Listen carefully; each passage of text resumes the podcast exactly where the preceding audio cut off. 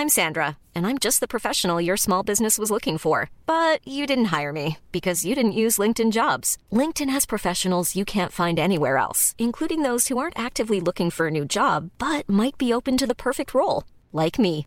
In a given month, over 70% of LinkedIn users don't visit other leading job sites. So if you're not looking on LinkedIn, you'll miss out on great candidates like Sandra. Start hiring professionals like a professional. Post your free job on linkedin.com/people today. Ready to pop the question? The jewelers at BlueNile.com have got sparkle down to a science with beautiful lab-grown diamonds worthy of your most brilliant moments. Their lab-grown diamonds are independently graded and guaranteed identical to natural diamonds, and they're ready to ship to your door. Go to BlueNile.com and use promo code LISTEN to get $50 off your purchase of $500 or more. That's code LISTEN at BlueNile.com for $50 off. BlueNile.com code LISTEN. Burrow is a furniture company known for timeless design and thoughtful construction and free shipping, and that extends to their outdoor collection. Their outdoor furniture is built to withstand the elements, featuring rust-proof stainless steel hardware, weather-ready teak, and quick-dry foam cushions. For Memorial Day, get 15% off your Burrow purchase at burrow.com slash ACAST and up to 25% off outdoor. That's up to 25% off outdoor furniture at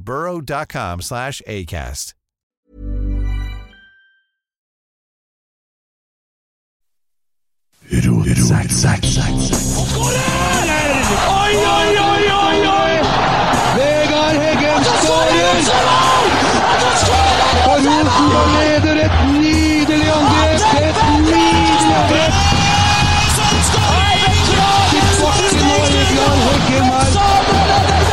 Se det synet! Se det vakre synet!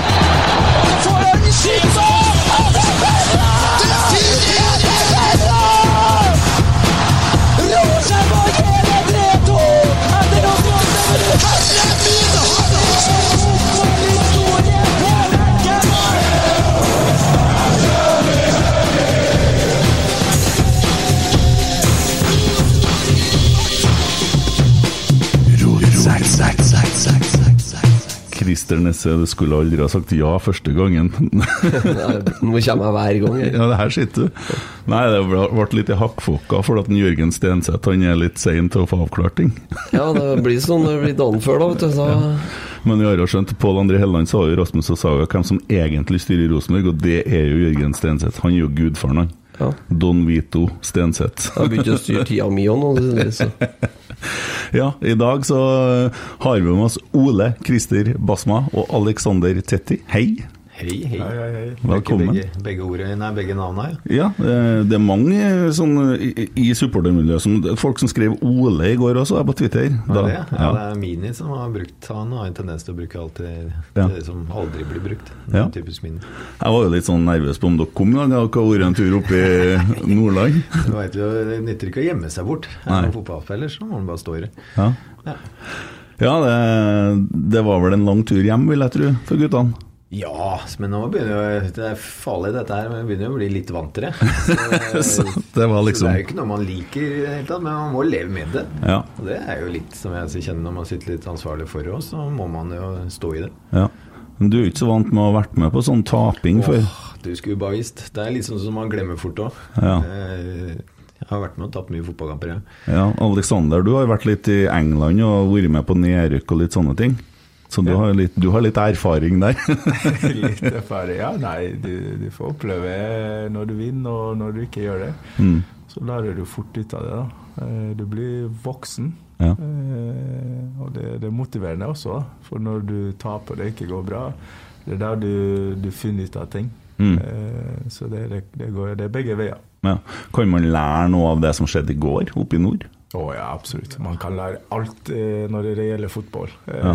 og det, det, det er bare å se på video, så finner du Det går null sekunder, så finner du noe du kan lære av. Ja. Eh, Og det, det er jo kanskje det man har litt for lite av i dag, som litt motstand. Så, Mm. eh, Vi rydder vi rydder unna alt. ja. Og jeg ser ikke helt problemet. Vi, ja, det, Du og liksom lurte på om vi ikke kom, for Ja. at vi hadde tapt. Vi kan ikke rydde bordet, vi må jo stille opp på ting. Man Ja. må jo være der, så uansett. Ja. Bare snakke i gode tider, det går jo ikke. Nei, men du hørte jo introen, den er jo Der er det mye, mye glede. Dere har jo vært med på noen av kampene her, dere. Dere, er dere, dere er jo, blir jo kommentert der. Ja, da var jo, Det var da Tette var guttunge, og jeg Ja. var litt eldre. Så jeg, Når var det du ble med i Rosenborg, Aleksander? Nei, ja 16-17 det kom jeg på A-laget. Eh, trent fast og sånn. Og det var i Eh, Hva var det? Åge-tida? 2003? 2003. 2003, ja. Ja, ja. Da, da, da ja, Som det alle i Trondheim vet, da, da vant jo Rosenborg bare. Det er sånn ja. vant og vant og vant. Så da var jeg med på den perioden. da Og Ja. det, det var jo selvsagt veldig godt, da for det var en fotballkamp, så vet du at Rosenborg vinner. Mm. Hvordan var det i 2005, da? Brå overgang, da? Det var en veldig brå overgang. Eh, Jeg tror at plutselig ikke vant. Eh, Men eh, det som var med den gjengen, da, at den, den gjorde noe med gruppa. Og, da, og det, den innstillingen fortsatt der. da Hver gang Rosenborg ikke vinner, så er det sånn, det er sånn Jeg, jeg syns det er en hjelpefaktor. da Vi skal bli 1-1. Rosenborg kan være nummer 12, men neste sesong så skal han bli nummer 1 igjen. Ja, kravene er jo det samme ja, hvert det er det samme, og det hjelper å pushe.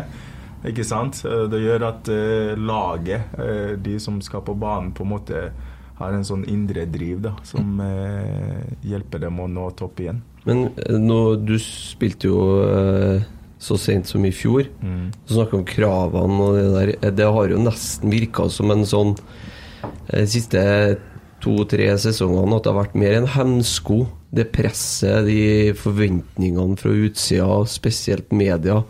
Du ser på treningsfeltet, altså det er jo flere eh, mediestasjoner på Rosenborg-trening enn det er på alle andre eliteserietreninger til sammen. Nei, det, det, er jo, det er jo engasjement. Det er jo Norges største klubb. Så klart det kommer det, det er meninger, og det er folk som stiller opp. Men eh, som du sier, de seks månedene jeg var der, så ble jeg alltid spurt om Ja, Rosenborg skal kjempe i toppen, Rosenborg skal det, det, det. Det, det jeg har lært av å være i utlandet og gjennom årene, at du, du, du det laget jeg har gjort før, er ikke en sånn eh, Hva skal du si eh, Det er ikke lagt opp at bare det. Historien fører Rosenborg til seier på en fotballbane. På en fotballbane så skal Rosenborg levere kvalitet gjennom 90 minutter. Og det gjennom 90 minutter så skal Rosenborg få poeng av det de har levert da og da. Og summen av det i en sesong som skal gjøre at Rosenborg blir seriemester, eller blir topp tre, eller topp hva det måtte være. Så det, det, før du når den biten der, så må du prestere. Og da må man legge bort at fordi Rosenborg vant, vant, vant, så er det en, en selvfølge at de skal gjøre det. Og det er som du sier, det, selv om kanskje det ikke snakkes så høyt om det, så, så, så ligger det, og, og, og jeg tror det, det, det fort hemmer spillere. Og det, det, det legger på press på dem. Det tror jeg. ja eh, hvordan går det med knærne? Ja, kneet er veldig bra nå. like før jeg vurderer å gjøre en comeback på en tredjedivisjons- eller en fjerdedivisjonslag i Trondheim. Men det, det er bare synd, for det er bare kunstgressbaner. Ja. Så jeg kan, jeg kan liksom ikke gjøre det. Det har vært fint da, for å holde formen og sånn, men, eh, men eh, alt er bra nå. Så, så, så lenge man ikke, ikke gjør noe på toppnivå, så er alt bra. Ja. Men eh, ja, du sier ikke kunstgressbaner, for å bare spørre om det, da. Hvis at det nå hadde vært bare gressbaner, hadde knærne dine vært bedre, da? I fjor? Ja. Ja. Ja. Eller nei, det er ikke gitt. For selv om det er også gressbaner, Ja. så er det jo belastning totalt sett som gjør at jeg på en måte eh, kan og ikke kan Mm. eh, varme eller varme eh, og spille kamp. Mm. Trener du fortsatt? Ja, ja, jeg må, jeg må trene. Altså, for meg er det en, det er en sånn en mental greie for meg. Jeg har gjort det så lenge. Det, det hjelper meg. Endorfinene kommer av at jeg trener. Hvis ikke så blir jeg litt sånn slapp og litt sånn Ikke sint, men du blir sånn Lett sånn, litt sånn eh, amper på ting. Ja. Eh, eh. Du, du har jo stort sett spilt på gress hele veien, du, hele Ja. din karriere. Ja. Ja. Så har det ikke noe med Akkurat han har ikke noe med Nei, men i fjor så var det et poeng. Men nå gjorde jo treneren det et veldig stort poeng ut av kunstgress. da Han klarte nesten å spre en liten uhygge i laget, kanskje om kunstgress, for det ble jo et tema hele tida. Ja, det ble, det ble et tema, og det er jo fortsatt et tema, tenker jeg. Eh, Fordi det er så stor forskjell, det som drives på kunstgress kunstgress og, og gress at Men samtidig også skjønne at Norge, hvor det ligger og værmessig, så er det jo ja, man, man må nesten akseptere det på en måte. Men Vi klarer det jo i Trondheim, Ja.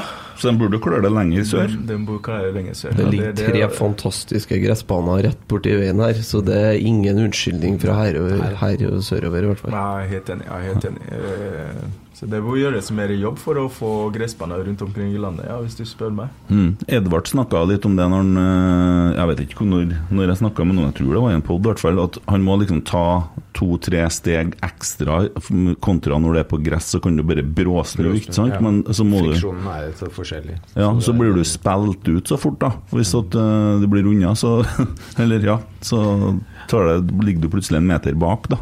På en annen måte. Så det blir jo et annet spill. Eh, ja, du da, Christer. Trener jo du, eller? Nei, jeg, må jo innrømme det. At det har jeg vært dårlig med egentlig siden jeg slutta. Egentlig, Men jeg har jo en unge liten en igjen, så det holder meg i form. Og så er jeg mye på feltet. Så jeg merker stor forskjell når jeg skifta jobb nå, at eh, jeg når 10 000 hver eneste dag. Ja. På skrittelling. Og akkurat i den alderen jeg er, så er det mer enn god nok trening for meg, tenker jeg. ja. Hva er alderen? 50. Og så har du en liten en? Ja. Hvor liten da? Hun blir fem år i år. Dæven, se der. Du vet, Så jeg skal bli pappa nå, er jeg 45. Ja, Ja, men det er så- null stress. Det er jo bare herlig. Ja, det, Lever det på nytt igjen, og det er veldig gøy. Jeg har jo ei på 23 fra før, så det Ja, er stort spent. Nei, men det er kjempegøy. ja. Ja, jeg tenker litt på hvordan det blir eventuelt i forhold til våkenetter og sånn. Jeg Kanskje blir mer sliten. Det er jo det, du, blir, du får testa deg som eh, toppidrettsutøver, tenker jeg. Jeg bare ser det sånn. Det er bare å stå i det. Ja. Endelig får du muligheten. Ja. ja. Det så ut sånn etter forrige podden at jeg burde begynne å gjøre noe, i hvert fall, for det kom noen kommentarer her. Det kom noen kommentarer i Jeg tør ikke sette meg bak her nå. Nei, det kom noen kommentarer på magen som allerede det er begynte å få akkurat det. pappaen Ja, ja, men det er en fin måte å bli kvitt kanskje magen på, i hvert fall hvis du følger opp. Og det, Ja. må, han, det må han gjøre, da, syns jeg. Ja, ja. Nei, jeg driver og flytta, så jeg har fått sånn lavere tyngdepunkt når jeg kjører Harley, så sitter jeg så godt, sant? Ja, ikke sant? Ja, ja, det er, det, Ja, ja. Nei, eh, vi kommer vel ikke unna å snakke litt om akademiet, men vi snakka så vidt om det før vi begynte på opptak her. Også i forhold til den nye organiseringa sånn, så er det litt sånn under construction, mye av det som foregår nå. Ja, det, det er jo hele veien, egentlig. Det er toppfotball, da. Mm. Det, det skjer jo noe hele tida. Mm. Men nå blir jo Vikvang på en måte Ja, altså det, men det er det jeg mener med råd. Det er hele tida nå. Så det er det å inni en organisasjon til en toppklubb kontra jeg som har jobba ti år i krets. Og så, så er det mye Det skjer noe. Det er veldig spennende på en måte, men litt sånn frustrerende nå. For det er hele tida endringer. Det ser vi bare på det året vi har, og jeg har vært nå i Så har vi mye som bytter posisjon og stillinger, da. Ja, plutselig med, et, eh, med Brattbakk som eh, forsvant ut, og så er eh, godeste Roar som er flytta opp. og Det er litt som hele tida, så det må man være innstilt på. Og så gjør det noe med kontinuiteten og litt av ja, synes jeg som jeg er litt sånn stabilitet nå. Men eh, man nytter jo ikke å grine og, og hele tida føle frustrasjon. For det er bare å ta nye tak og så se nye muligheter. Og det er det man jobber med i Rosenborg nå, så sette opp eh, laget litt på, på nytt igjen. Og, og det også internt. Og så begynne å jobbe strategisk fremover. Hva er det som er rollen din nå i akademiet? Nå er jeg inne og assisterer på RBK2 Ja. rundt Arnstein. Følger opp der. Samtidig så har jeg litt av rekrutteringa.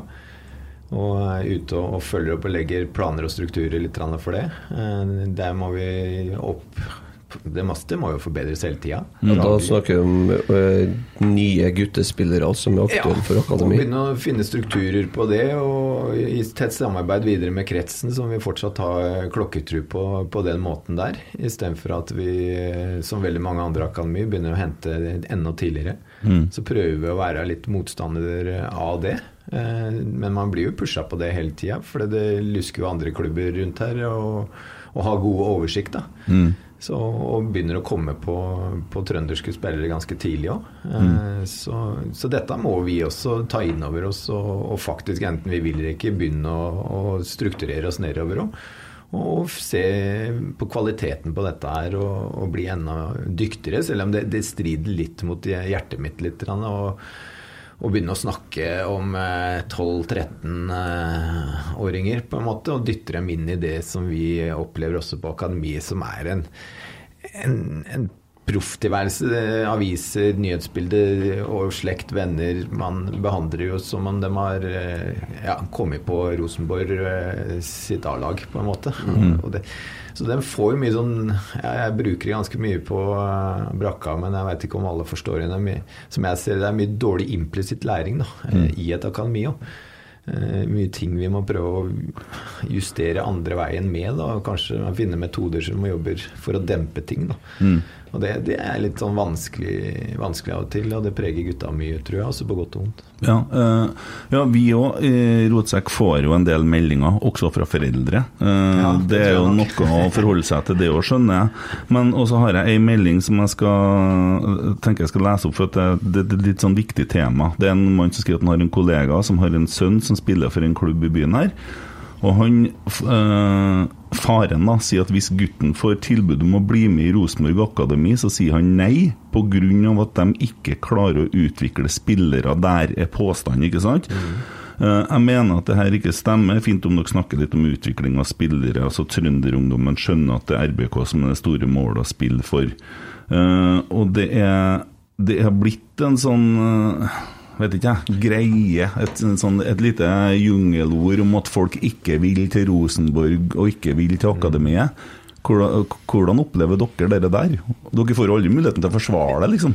Nei, men det klarer man aldri å forsvare helt, egentlig. Det er ikke helt poenget. Et akademi er jo et, en læringsanstalt. Vi, skal, vi skal forme dem til eh, å bli fotballspillere. Og jeg, jeg tenker at det har jeg god erfaring på, da.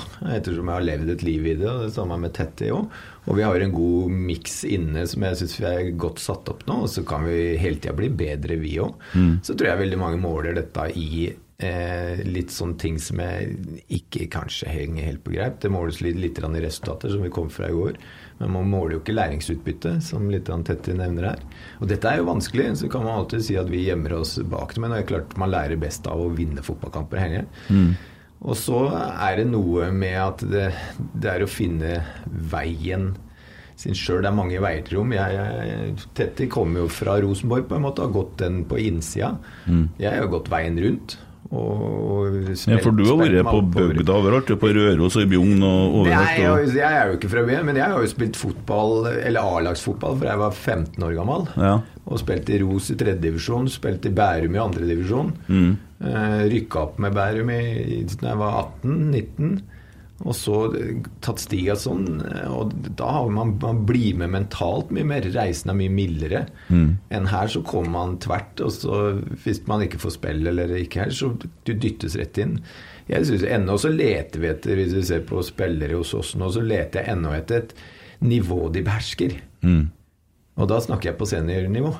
Disse som vi starta med, vi, ettersom vi også tok bort alle overår i, i fjor, Mm. så var det jo bare det. Og det er for knalltøft. Det var jo erfaringen vår som vi skal være kjempelæring og ydmyke på. Og det kunne vi vært unngått, selvfølgelig. Men vi har veldig tro på at man må få seniorerfaring. da.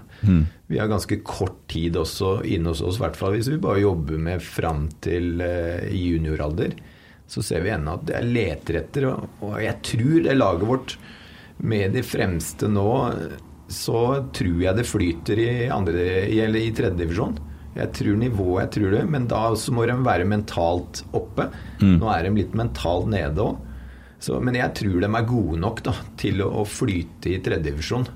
Og så vil jo dette årgangene kanskje variere litt. Vi får jo noen spennende årganger under. Og så er jeg også veldig usikker. Ja, de er spennende nå, for de spiller også på junior, men hva, hvem tar seniornivået her òg?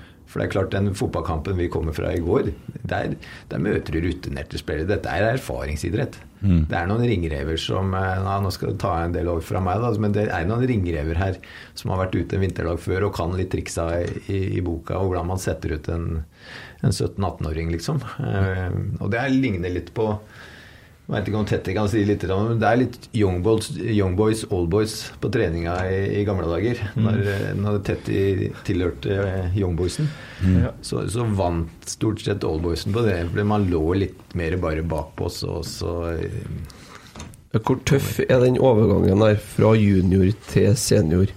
Nei, det er jo veldig tøft, da. Jeg husker jo når jeg, jeg, jeg begynte å trene med dem. Alt gikk jo kjempefort. Eh, De var sterke, de løp raskere. De tenkte fortere. Eh, så det tok jo meg Det tok meg en sånn hel sesong å komme kom meg inn i. Så den overgangen er veldig stor. Jeg tror det er større enn folk egentlig tror. For når du er sånn spennende talent, så tror man at ja, nei, han tar det med en gang. Men det, det gjør du ikke. Men er det en fordel at uh, spillere kommer inn så ung som du og Per var den gangen, da? Eller, og sånn som Nypan er i dag, eller er det bedre at man går gradene i akademi, eller? Det er, det er veldig individuelt. Det er det som gjør dette reisa så vanskelig. Og når vi altså, henter og sånne ting, så klarer man jo ikke å se inn i det. Hvem, hva trenger den? Jeg tror for meg så var det helt avgjørende at jeg ikke var på et akademi. Fordi jeg har gått rundt, og jeg trenger sjøltillit på hvert nivå. Så jeg vet ikke om jeg har vært tøff nok til å stå kanskje i og, ja, og, og ta det. Derfor det blir et mye sånn det, Du må være med mentalt i huet òg. Få den sjøltilliten for å så ta neste steg og beherske. da. Det er litt som jeg sa her, at vi ennå så går jeg vil gjerne at gutta skal oppleve at en behersker nivået. da. Det gjorde man jo ikke i fjor, og det, gjør, det strever vi fortsatt med at, man liksom, at flere føler at jeg behersker tredjedivisjon. Jeg behersker dette nivået, for så å kunne dominere etter hvert. Da. Og det er som Tette sier, at han beherska jo ikke første gangen. Vi, vi reiv oss i håret vi, når han kommer inn, og når disse unggutta kommer inn. Og du får jo bare en viss tid før du må rullere eventuelt ut. Det er, for det er en kynisk bransje. Ja, ja, klart det. Så det er, det er knallhardt. Og Men det er jeg vil ikke ha Tetti på feltet der hvis han ikke leverer godt nok på treningene. Og det er den, der man står litt på A-laget og har gjort litt, som er et vanskelig akademispørsmål hele veien, altså, er jo hvordan du dytter disse inn òg. Nå er det litt tilgang til det, for nå er det også med Geir og Kjetil som vil se en del spillere også inn. da. Så, så nå fungerer det veldig at det er mange som får erfaring og får, og får kjent på det. Og så, men klart i Bodø-Glimt nå når man ligger i øvre halvdel og skal vinne dem òg, begynne å få presset, så det er klart det er vanskelig å få folk fra akademiet inn der nå. For Ja, der er det jo helt stopp. ja, og det hører de sier. Og det, det er dette som hele tida endrer seg. Og dette gjør at disse, da, å jobbe på et akademi er på en måte utfordrende. For du må hele tida være i forkant av disse tinga her. Og prøve å være i forkant. Og det, Men det er, det er vanskelig, og der ennå jobber vi knallhardt hver eneste dag for å komme meg i forkant her. Og så er det ikke bare å knipse i fingeren og få de resultatene vi ønsker, sånn at gutta skal oppleve dette som, en, som stas og moro. Men der igjennom så er ikke jeg så jævlig redd for å tape noen fotballkamper. For det har jeg gjort utfattelig mange ganger. Men det er hva du gjør med det. Og da må vi ikke la dem flykte tilbake. Du snakker om foreldre. Det var jo han dem som stilte spørsmål. om mm. Vi må ikke la unga flykte. Vi kan ikke la dem stikke unna. Så må de samtidig være med dem på reisen og begynne å evaluere. Ja, er dette rett nivå, eller skal man, spiller man inn ikke nok? Ja, men da må man komme seg eventuelt videre, da. Og det, det har jo vært kritikken tidligere. og man har fått litt fra akademia, og man ikke har fått spille, er vel fersk, som diskuteres mye med Odin og, og sånt. Hvorfor han Men da var det jo vanskeligere å komme inn. Ja, Om der var det et krav om en A-lagskontrakt i tillegg, da. Jo, ikke sant? Så det er, det er masse, et stort greie Jeg her, som det- vi også vet. Det er masse Akkurat den casen her syns jeg faktisk blir veldig urettferdig, for at det kommer en 14, 14 og et halvt år gammel gutt og krever en A-lagskontrakt. Jeg er helt enig. Og den gangen så var Rosenborg faktisk Norges beste lag. Ja, og det kan, Da kan man ikke gjete på sånne, og Dette er masse ting som da folk ikke helt får med seg, men dette er et stort spill. Og det er dette altså man må prøve å holde tunga rett i munnen på, og så ikke la seg vippe av, av pinnen på. For, men det er lett å la seg Ja, det er sånn kroneksempler som blir brukt da. Ja, ja. Men det er mange andre som man kanskje skulle ha vært på og snappa. Men det der blir da kroneksempler fordi at den går til Vålerenga. Mm, men jeg skulle ha sett det under Eggen sin tid at det kom en unggutt og krevde, krevde plass på første førsteelveren. Ja, men der har det Ja. skifta seg. Jeg tror Ja. Nils Arne har slitt litt, han nå. Ja. At det, det er mye mer det, nå, det er et større trøkk rundt Ja. sånne ting som der. Da. Og det, det er jo her det er så sykt viktig å være ja, tøff nok da, til å orke å stå i det. da. Mm. Og bli, man blir jo utfordra hele tida. Klart man blir usikker oppi dette. Dette er jo som å være spiller igjen. Men eh, du, når du er med å rekruttere spillere inn til akademiet nå, Mm. er det sånn at det er Må du da sitte og forhandle med agenter allerede i, på det nivået der? Ja, noen eh, begynner jo å komme dit, ja. Ok. Ja. Eh, Tetti, da, rollen din i akademiet nå, hva er, hva er den? Nei, det er jeg en av tre trenere. eh, Så jeg er med på feltet og lærer samtidig som jeg jobber med midtbanespillerne. Mm. Så det er jo mye egentreninger, se på kamper sammen. Eh, hva var bra, hva var ikke bra? Hva kan vi gjøre bra neste gang? Og da er posisjonering, pasning, bevegelse, alt det tingene der. Samtidig som jeg er fersk i dette her, da. Så eh, forhåpentligvis skal jeg begynne på kurs snart. Så ved å være der og ha noen treninger, så er det en kjempelæring for min del. da. Mm. Eh, Jeg har jo aldri opplevd før at det har vært så mye fokus på resultat til akademiet som det har vært det siste året. Før var det jo liksom bare Oi, det kommer opp en unggutt fra akademiet, hurra! Og det var liksom greia. Og det, var, og det er jo liksom poenget med akademiet òg. Men nå er det sånn at jeg vet ikke hvor mange spillere som er på akademiet, men det er kanskje 40 Ja, vi er oppe i 50 nå. Over 50 spillere. Så øhm, Nei, det er, det er jo som du sier, men det skifter jo. Det er, vi lever jo i en medieverden litt der også. Det er det som selger, og det som skaper trykk. Og spesielt når det er store resultater, sånn som det har vært. Ja. Så er det jo enda mer stas, selvfølgelig skjønner jeg det, adressa Nidaros til å trykke opp, da. det er Fordi vi veit du får klikk på det. Ja. Og, og det, det må han leve med, spesielt som jeg sier. Jeg har god erfaring med det etter å ha spilt i den klubben her. og det er det som er herlig med å få med sånne Tror jeg også, ikke at jeg skal snakke om vår egen, men klart å få Tetti med fersk kompetanse nå fra, fra egentlig det vi utdanner folk til. da For det er jo det vi, det er jo det vi tilbyr. Vi tilbyr et akademi til å utdanne folk til å bli fotballspillere. Ja. Og så ønsker vi samtidig, og vi mener det er rett, at dette er å skape samfunnsmessig og dyktige mennesker, altså. Som, som er med de rette holdningene. Og det, da må vi gi dem motstand, da, tenker jeg. Da, da må vi De må kjenne på det, og så må de lære seg å reflektere. Hvordan den blir sjøl blir oppfatta, og hvordan, hvordan andre oppfatter dem, og hvem de egentlig er, og hva slags rolle de har lyst til å, å ta. Mm. Ja, og det er jo en annen hverdag, da, for det kommer jo så mye greier fra omgivelser, fra media, sosiale medier, og det er altså, Samtidig da, så ser jeg jo det at hvis du er 50 spillere, og målet er å få én i året inn i avstanden, så er det jo 49 som står igjen, og det er selvsagt at noen går til Levanger eller til Vålerenga eller sånne ting. Og det er egentlig ikke noe særlig stor mediasak skulle være, for det er, det, det er jo Vi er jo et av de største akademiene i Norge, vil jeg tro. Ja, Ja. og det, den savner jeg også. Det er ikke vår, vår greie også hele tida som jeg syns vi ser en vending på som jeg ikke er så flink til. Det er jo å skape publisitet rundt andre ting og snu det og begynne å skryte av seg sjøl. For, det, det, for meg så er det helt feil. Vi skal levere, vi skal konsentrere om det vi skal gjøre. Og så håper vi at andre ser egentlig hva vi leverer. Og det er den større bildet der jeg også savner å, å ta opp, da, som jeg også syns man kanskje er for dårlig journalistisk også. Så må man prøve med dette programmet. Altså se hele helhetsbildet. Se hele bildet av dette, for det er det som er fotball nå. Og det er det vi prøver å lære opp disse gutta til. Altså, det er ikke bare deg sjøl nå. Du må være en del av noe større her. Det er jo enormt med trønderske fotballspillere som i NTF, eh, altså de to øverste divisjonene, Ja. så er det jo enormt. Det er vel ingen andre akademi som har utdanna så mye. Nei, tar du en telefon til Tore Grønning som har full kontroll på alt dette her, så regner man kan gi deg ganske eksakte tall på dette, og der, der kommer vi ikke så veldig dårlig ut. Og så er ikke det noe mål i seg sjøl. Vi må jakte for å bli bedre hele tida. Ja. Vi må se på hva vi gjør galt, hva vi kan gjøre annerledes. Så veit vi at dette skifter hele tida. Litt som jeg var inne på tidligere, så nå kommer det noe, kanskje noen nye føringer med, fra norsk toppfotball. Og de leiter jo akademiklassifiseringa, og leiter jo ennå. Vi driver jo og henger langt etter akademi i utlandet. Så vi driver og leiter etter vår vei i dette, men vi blir veldig like utlandet litt på godt og vondt nå. Men nå leiter man etter å kanskje introdusere nasjonal G17 15-13, fra man tidligere har hatt 14-16-18. Og det er for at man ser at dette pushes ned litt nå, ikke sant? At det med å spille tidligere seniorfotball Man sliter litt med å få i gang nasjonal og få jevn kvalitet på dette.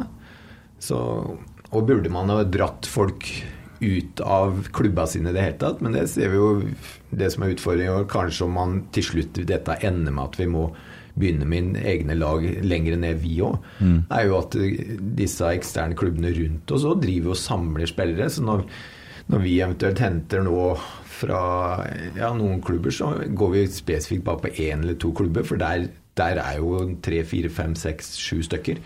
Ja, Ungene mine hører jo til Skjetne idrettslag. Så de har jo eh, bra gutteårganger. her 2-10 2-10 i Skjetne nå er vel eh, ja, som jeg også hører. Og det er sånn vi liksom sitter og veit sånn, eh, vet liksom hvor, hvor samles det opp litt nå. Da. Det Mm. Dette starta jo litt med Som i hvert fall da jobba jeg i krets, kretsen, og i 2003 så hadde vi jo eh, spesielt med Trygg Lade, hvor man også da samla. Og det er jo litt sånn Litt for at man, man føler at disse også spillere og det, det nyter de jo godt av. Har Mm. fått bedre matching og møter eh, en bedre profesjonalitet. da. Og så veit vi at dette er dette er dragningene, og dette blir spenningene fremover. På hva er rett. Ja, det er jo litt eh, spennende der, fordi at eh, Norges idrettsforbund eller, og Fotballforbundet er jo sånn flest mulig, lengst mulig. Og NTF går egentlig litt imot der nå, i den nye strategiplanen, og vil prøve å spisse tidligere. Jeg gjør, jeg gjør det, altså. Og vi ser jo for, Nå sitter jeg på den andre sida litt som jeg, at jeg også ser at det et aktivitetsnivå generelt på ungdom og, og må opp, da. Og så er jeg mer tilhenger av sånn som det var når jeg og Tetty vokste opp òg, selv om jeg nå putter jeg meg i hans kategori. Da, selv om jeg, men hvor det var mye mer aktivitet. Eh, men nå er de jo i mindre aktivitet, unga òg. Og så blir det enda mer spissa av den aktiviteten. Ja, men da må vi også i hvert fall nesten fremme at ja, så lenge de er i aktivitet og fotballaktivitet, ja, men da fremmer jeg heller det enn at de ikke er i aktivitet i det hele tatt. Og det, det er jo da de ender med å reise på veldig mange ulike ting òg. Som jeg så en artikkel her nylig i Nidaros òg, det sto litt grann om Søndagen vår? ja, at det har blitt en ny rikmannsgreie òg, ikke sant. For det, de, de sender dem på ulike eh, akademier rundt omkring, og, er, og det ser vi på de spillerne vi òg henter. De har vært mye rundt. De har gått en nesten profesjonell hverdag når, før de kommer til oss òg. Fra de er åtte, ni, ti år, liksom. Litt interessant i forhold til det du snakka om i stad, med endorfiner når du trener. Og så ser du på unge folk nå som er mye mer passive. Jeg så noe sånn forskning på det. Jeg har hørt vel en han Kaggestad har en sånn pod som er ganske bra. Uh, Heit en Hjernesterk, du. Ja, whatever. Og i forhold til det at det kommer mye mer sånn psykiske utfordringer i yngre alder, og man snakker om angst og depresjon og sånne ting, og så sitter de og samtidig mye mer på ræva og er veldig lite aktivitet. Og det, det skjer noe med hodet. Og vi får, så det, det er viktig i forhold til hele samfunnet her. Ja, Mestringsfølelse. Klatre i trær, det er mestringsfølelse, ja. Ja. Så vi drev og holdt på med, vi òg. Det er masse sånn mestring i motorikken din, i utfoldelse av det, liksom. Sånne småting som vi må passe på at ikke unga går glipp av. Altså. Og det er vår generasjon. Altså, som jeg sier, nå, tar nå skulle du bli far, du òg. Vi er nesten like gamle. Ja, ikke sant? Og jeg også, har jo blitt på nytt igjen, så jeg, jeg tar et sykt ansvar. Og jeg mener det er et veldig tungt ansvar på meg altså, til å sørge for denne aktiviteten til, til unge, ungen min nå. Da. Det er mitt ansvar til å sørge for at den er i aktivitet også. også altså. Ja, det blir, ikke mye, blir mye iPad-tid, eller? Ja, Det er derfor jeg sier at det er muligheter for det. For jeg synes jeg trenger ikke å trene heller. For vi jeg er mye ut, da. Bruker mye Ja, tid ja. med henne. Ja. Det, Ja. Uh, vi skal ta noen spørsmål. Uh, en sterkt retarderte Jonas Aune Sunde Det er broren min, så. Han, er- Ok. ja, ja. han kjører på til Titti. Hvordan var det å spille på RBK3 borte mot FK Fosen på Marienborg stadion? Husker jeg det? Han stiller selvsagt spørsmålet for at han sto sikkert i mål på FK Fosen, så han skal ha med seg sjøl i det at han har spilt motstand. Det er vel det han vil fram til. antageligvis. Hvilket år var det her, da? Nei, gud veit. Når spilte du på RBK3, da? Det er sikkert eh, 100 år siden nå. Fantes det RBK3? Ja, ja, vi hadde- RBK3 var hadde tredje divisjon. Ja. Ja. Det var en periode, faktisk. Marienborg stadion er en vakker stadion i Vallersund i Bjugn, med et sånt fjell i bakgrunnen, og det er helt nydelig der. Dessverre, så jeg husker det. Han husker jeg veldig godt, da. Det? Og så kommer et uh, annet spørsmål. Er Trøndelag i Norge? Skjønner du hvor han skal hen, da? Eh, ja. ja. Nei, jeg skjønner ikke hvor han vil ha med det her. Dessverre. Jeg husker ikke kampen. eh, Nei, jeg husker ingenting. Jeg skjønner ikke. Men dere der med du og, du og Per Siljan hadde dette her, når dere var på innsiden. Nå skjønner jeg hvor han vil ha med det her, ja. Og så ja spør det, var, det var kjempegøy. For det, jeg var så nært med å vinne, og så mista jeg jo hodet helt. Og det har jeg fortalt om mange, mange ganger av flere. Det, jeg tar den. Jeg tar hendene opp, og tar den. Jeg tar den. Jeg hang ikke helt med i svingene der. Jeg var bekymra en stund. Og så spør han eh, til en Christer, da. Ole, Ole Christer. Ja, ja. Hvordan har RBK2 Akademiet greid å ende i den situasjonen de nå er i? Det står ikke noe mer da. Nei, ikke sant det? Er i Ja, nei, det jeg skjønner jo litt hvor den vil. Jeg er jo ikke noe Vi er jo på nedrykk i tredjedivisjon med RBK2 nå. Vi, og den eh, Selvfølgelig, det er jo der man vekter vektre at vi skulle Men der får man ikke lagt en plan, selv om jeg syns vi samarbeider eh, mye bedre i år enn i fjor med A-laget. Eh, Det gjør vi. Og så har jeg veldig respekt for A-lagsgreiene og logistikken deres òg.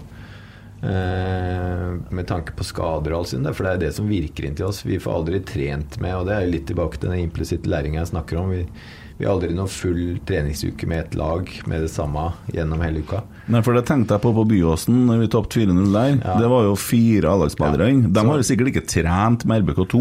Nei da, så, på, så dere også veit hvordan dette fungerer. Så sitter jo Arnstein eh, etter kampen mot Godset og ser litt. rann, Altså når, eh, når vi fikk skade på Renzo litt, så er jeg litt ah, da, da forsvinner kanskje Sam. Det, han kunne vi kanskje fått vært med opp til oss, som da gir kanskje PT, sånn som vi ligger litt på stoppersida nå. Så måtte vi gjøre endringer for Lasse er ut.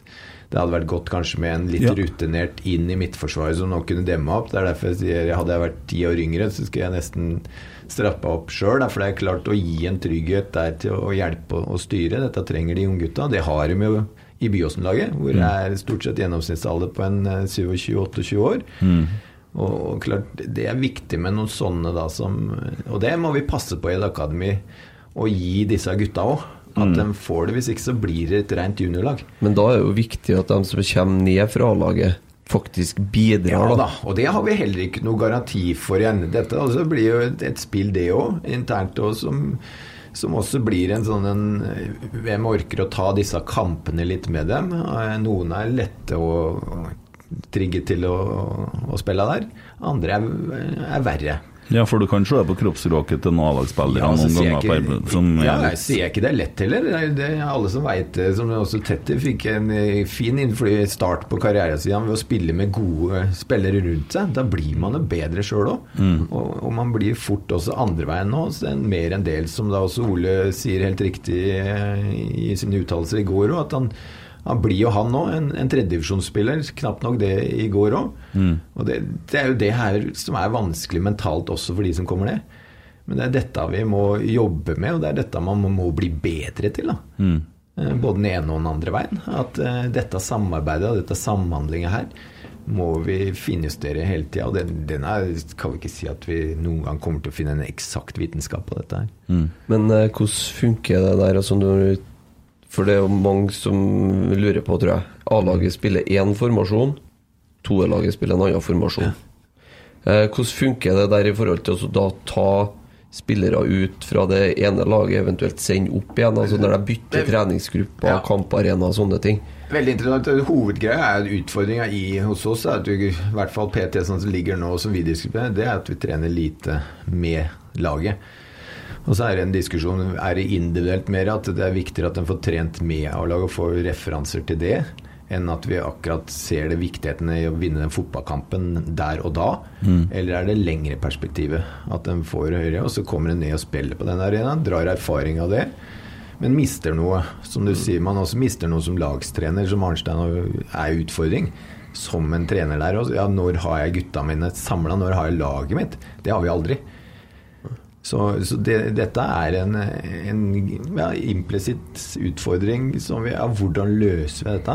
Har dere snakka om å spille 3-4-3 eller eh, Altså, så er jeg ikke 3-5-2? så opptatt ja, så Kan man si det også er viktig? Og så hvor man, man gjør jo ikke de store endringene i laget, men du ser fotballen har blitt mye mer taktisk. Eh, mye mer til at man skifter og man, man ser sånn. Så eh, foreløpig så ser jeg ikke helt den store for at jeg mener de skal kunne switche da. Eh, samtidig så ser jeg Jeg ser det fra begge sider. Men jeg, og akkurat der så ligger jeg litt at ja, men kanskje det ikke er så dumt heller. At de, de kommer ned Ja, de får eh, For fotball er ikke så så det er utgangsstillingene, og så er det litt Ja, det blir litt ulike, men eh, skal kunne klare å, å endre litt på det, tenker jeg. Du snakka om Lasse, han ble skada på Byåsen, han. Eh, ja. Hvordan skal det det? Ja, fikk seg, Vi var ikke så farlige som det vi først hadde, eller hadde trodd. da. Eh, For det, det så jo ikke helt bra ut, dette her. Men så eh, har det gått så Det var ikke noe avrett eller noen ting, så det er bare noe som er forstrukket. Ja. Så han er tilbake igjen i trening. Fikk seg en liten smell på økta i dag morges. Eh, håper jo at han skal fort opp og gå igjen. For det nå er jo veldig viktig, som jeg erfarer også med det. Som også overrasker meg, det er mange som er litt for lenge borte òg. De, de mister en veldig viktig tid da, av, av karriere, eller i starten av liksom eh, noen som har vært borte over nesten ett og et halvt år, så lenge jeg har vært der. Nesten ikke har vært på feltet ennå. Og klart, det, det er utfordrende, altså. Ja. Både for dem sjøl og, og for oss òg. Mm. Hva er dine trenerambisjoner? Trenerambisjoner er eh, PT Det var derfor jeg altså gikk fra, fra kretsen. Jeg er veldig opptatt av helhet, så jeg syntes det var veldig interessant å gå dit eh, og se hele bildet igjen. Og så lot jeg ha vært i kontakt med Rosenborg hele veien. Eh, før jeg nå kom inn og Jeg er veldig glad i helhet, så jeg har ikke noe sånn voldsomt behov for og har ikke noen sånne ambisjoner om at jeg skal en gang skal stå på Lerkendal. Det er jeg ikke. Så mener jeg ikke at det er noe ødeleggende for der jeg er nå heller. Nei. Eh, Jeg er veldig interessert i det vi snakker om her. Ja. Jeg synes dette er og Det er derfor jeg syns dette for min del er kjempeerfaring de nærmeste tre-fire åra. Å være så tett på spillere. Og, og jeg, som jeg, jeg vil være mye klokere om to-tre år. Mm. Altså, sier jeg ikke at jeg har lært noe, for dette jeg jo skrevet mye bøker, og det går folk, og det, det brukes utallige milliarder kroner på denne industrien her. Og de har ikke funnet fasiten, noen, ute der.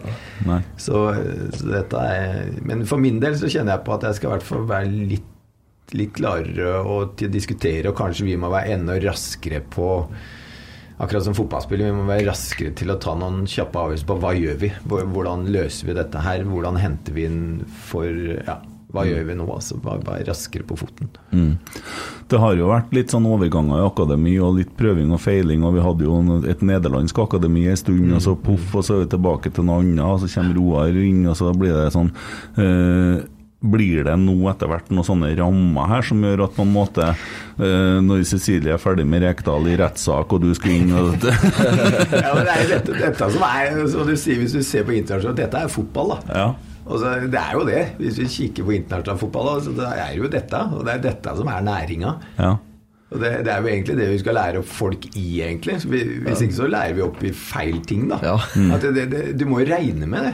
Mm. du, du er jo ikke her for, i klubben her for evig tid. Det, det flyttes hele tida, både som trener, som spiller, som ansatt. Det er en evig greie. Jo, men burde ikke altså Cecilie har jo snakka om det, som er vår nye styreleder nå, at vi skal prøve å få til et rammeverk i klubben som gjør at vi slipper å røske opp alt på rot hver gang. At vi på en måte har Og det skjer jo sånn som vi snakka med en Wisløw òg. De er jo på en måte de som er drifter klubben, egentlig. For Kjetil han ja, vinner han, så drar han til Hertha Berlin, ikke sant? Og taper han, så sitter han i Discovery og er øh, kommentator snart. Det er jo sånn, det varer jo Det går nå noen år, og så er det Det skifter så fort, men så har på en måte Rosenborg endra kurs så mange ganger at vi mister oss sjøl litt. Ja. Burde ikke vi få på plass rammene i klubben skikkelig, så at det står noen sånn stålrammer der, så at andre tingene bare kan fylles inn? Jo, det tror jeg er det, er det alle søker. Det Ja. er det alle jobber med å, å få til. Eh, og det tror jeg ikke gjelder bare Rosenborg. Det tror jeg det er Molde, det tror jeg er Bodø-Glimt. Og det er hele tida det er denne utfordringen du hele tida vil ha. For det, alltid, det kommer alltid nye som røsker i dette, og som begynner å utfordre. Og som begynner å, å endre. Og det å stå på barrikadene litt da og, og fighte for det, stå i et halvår, stå et år med de samme litt, og ikke gi etter på det. Det er der det største utfordringen ligger. At vi må stå ut på presset. da som jeg, Litt som jeg altså fascinerer meg med Nils Arne i den tida. Altså, vi tapte jo fotballkampen mye når jeg i denne tida vi snakker om, om hele tida. Altså, vi måler oss mot. Vi tapte jo masse fotballkamper da òg. Men han orka jo stå imot på andre og tredje kampen når, når folk begynte virkelig å få overtaket på han. da Og så heldigvis så vant vi, da. Og da var det stopp igjen. Ja. Da var han ovenpå igjen. Og det er, det er ditt på en måte som er utfordringa nå også, når vi blir pirka på hele tida. Så ja, hva skal vi til, da? Det, og så er man litt opptur, og så blir man pirka på igjen. Så det er jo å finne disse strukturene som jeg så har veldig trua på. Men vi må gi dette tid. Ja. Og vi må orke å stå i det. Akkurat som jeg så er kjempemotivert sammen med spillere. Altså, om vi taper noe Jeg er kjempemotivert for å stå i det. Vi må orke Vi må orke dette. For det, og de som ikke orker, de må gå et annet sted og finne på noe annet å gjøre. Ja, det, ja, og det gjør de jo av og til. Ja, ja, det gjør de. Det skal de få lov å gjøre. Ja. For vi må ha med de som orker det. Ja. Men du nevner Nils Arne Eggen. Du må ha litt sånn eh, Hva er det sjukeste du har opplevd med Nils Arne Eggen? Nei, det, det sjukeste var ja, var, ja, at jeg var litt sjuk òg, på en måte. Det, det var, ja, alt kunne skje. Ja. Og det var liksom ikke noe hemning, og det var det frigjørende på en måte kanskje. At det var liksom Alt var lov, på en måte. da Ja. Men han slapp unna med så mye, men det gjør man jo ofte når man da har, eh, har oppnådd noe, eller har et eller annet, så er det lettere, da. Mm. Men eh, ja, det var jo nesten vi som måtte korrigere han innimellom, på, på, mer på hvordan man ter seg, hvordan man oppfører seg. Ja.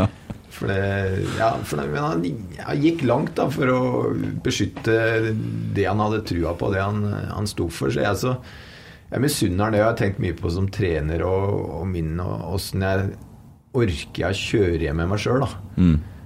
Og og det har jeg stilt meg mange ganger til hvor jeg har fundert opp på Nils Arne åssen han orka å kjøre hjem og opp Bogstadbakkene med seg sjøl enkelte dager, liksom, når vi var dritforbanna på han og hata han, og han hadde skjelt oss ut og var Ja.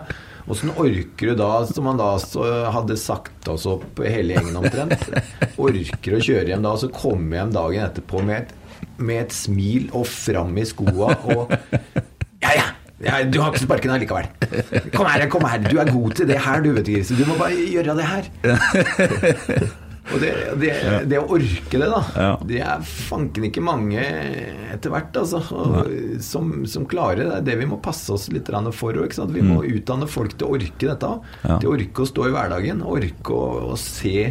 Så må vi ikke rive ned alt hele tida. Vi er så Ja, nå prøver vi det hele veien. Det, det rives jo ned. Ja. Altså, Det er det som er den dårlige implisitt læringa, at disse gutta fortjener henne ikke. For de er ikke på et nivå hvor de fortjener å få så mye oppmerksomhet ennå heller. Og det, det er fordi de er i byggefasen, liksom. De, de tilhører De prøver å finne sitt liv i tredjedivisjon. Hvem er det som skriver om Trygg Lade, og hvem er det som skriver om alle de tre, andre tredjedivisjonslaga rundt? da? Det er jo ingenting. Men der går det med en kanskje annen tilværelse. Altså Det er ikke noe rart det kanskje dukker opp en fra dem heller. Og dukker opp en eh, 06 eller noe sånt, får lov å spille nå i, i Trygg Lade, eller får lov å spille i Byåsen, eller De må jo bli sett i klubba sine rundt òg. For de har jo arenaen, de òg. Men da må jo disse 06 eh, få lov å spille, dem òg. 15 år som jeg fikk lov å spille i Ros òg. Jeg var 15 år, fikk lov å spille. Jeg var jo ikke i nærheten til å gå, men jeg fikk lov å være med de store gutta. Og de syntes det var kult. Jeg er fortsatt invitert på julebord til Ros da, med seniorgutta, som syns det er sykt stas at de fikk være og var en del av min utvikling så, i to år. da I min moderklubb. da Det, det syns jeg er litt sånn kult at de også syns det er litt stas. da Og jeg setter jo enormt pris på Gud og viktig det var for meg i min karriere. da At folk byr så mye på seg sjøl. For de kunne jo bare pæle meg fasiken og hva er det vi gjør med han eh, lille, spinkle Basma inn i det laget her? Mm. vi, vi taper fotballkamper her. Nei, vi- fasiken, han kan bli. Vi ser noe i han. Det, ja. ja. Kult. Ja, må bygge mentalitet. Hvordan håndterer dere sosiale medier med guttene? da? Altså, jeg med, for du, du snakker jo om adresser her, og det er jo mye negativt fokus. og Det har jeg jo snakka mye altså, Jeg og Petter hadde en sånn artig greie her, Petter Rasmus. Så sier han syns du at jeg er en idiot? Ja, jeg syns du er en idiot. Ja, det synes jeg også. Ja, hvorfor det, da, sier han. Jo, det skal jeg forklare deg, sier jeg. Du er en idiot fordi at du skriver ensidig negativt om Rosenborg. Du lever av å skrive om Rosenborg. Hvis du fortsetter å skrive om Rosenborg, nå er folk sinte, til slutt blir de likegyldige, da er ingen som gidder å lese det du skriver. Da har du ikke noe å skrive om lenger, ergo så er du arbeidsledig. Derfor er du en idiot. Det er jo ikke balansert lenger. Nei, og det, det er den jeg sier. Jeg så han har vært en uke i Syden nå, så han kom tilbake igjen her. Så han Ja. hadde vel en mulighet igjen. Så var det på artikkel igjen nå, da. så han var jo Men- rett, rett der igjen. Og, liksom det er, og jeg sier vi skal jo ikke beskytte oss, det er ikke det, jeg trenger heller. Og så, jeg, så jeg lever jo fint med det. Men- Men, det er klart det er gutta bak dette. Det er den jeg kjenner nesten eh, mer på, egentlig. At det, blir litt eh, Det er ganske tøff læring for henne, men Ja, altså, de må jo Ja, du, de som ikke kommer seg gjennom dette òg, på en måte, de har jo kanskje ikke heller Mm. livets greie til fotballspiller. Da, da finner man heller ut at jeg har lyst til å holde på med noe annet. Derfor det er gud og mye annet du kan holde på med òg. Der fikk de overskrifta si 'Petter er en idiot'. Men Alex, du som har med de yngste å gjøre. Eh, altså, hvor mye fokus eh, har man på å skulle til å si, ta bort det fokuset med de yngste? Altså, at de har hodet sitt på riktig plass. For det er jo en ting er jo når du at du, du, du kommer jo inn i Rosenborg. Kanskje mange har nådd målet sitt der allerede. ikke sant? Og så får du masse sånne forstyrrende faktorer og sånn. Ja. Nei, vi, vi, er heldige med den gruppa vi har faktisk nå. Eh, fine gutter. Eh, de har til å starte med masse utfordringer med at det, det er lagt opp så prøvd at de har både skole og fotball eh, fem dager i uka. Trener hardt, spiller kamper. Altså jeg tror ikke de har så mye med sosiale medier å gjøre enda. Eh, men samtidig så, så, er det jo Vi snakker til dem hver dag. Vi har foredrag. Vi har folk som kommer inn og snakker til dem. Så fokuset deres på den gruppa jeg er på, er veldig bra. Det må jeg nok si. For det er jo 14, og nå har jeg ikke blitt 15 ennå.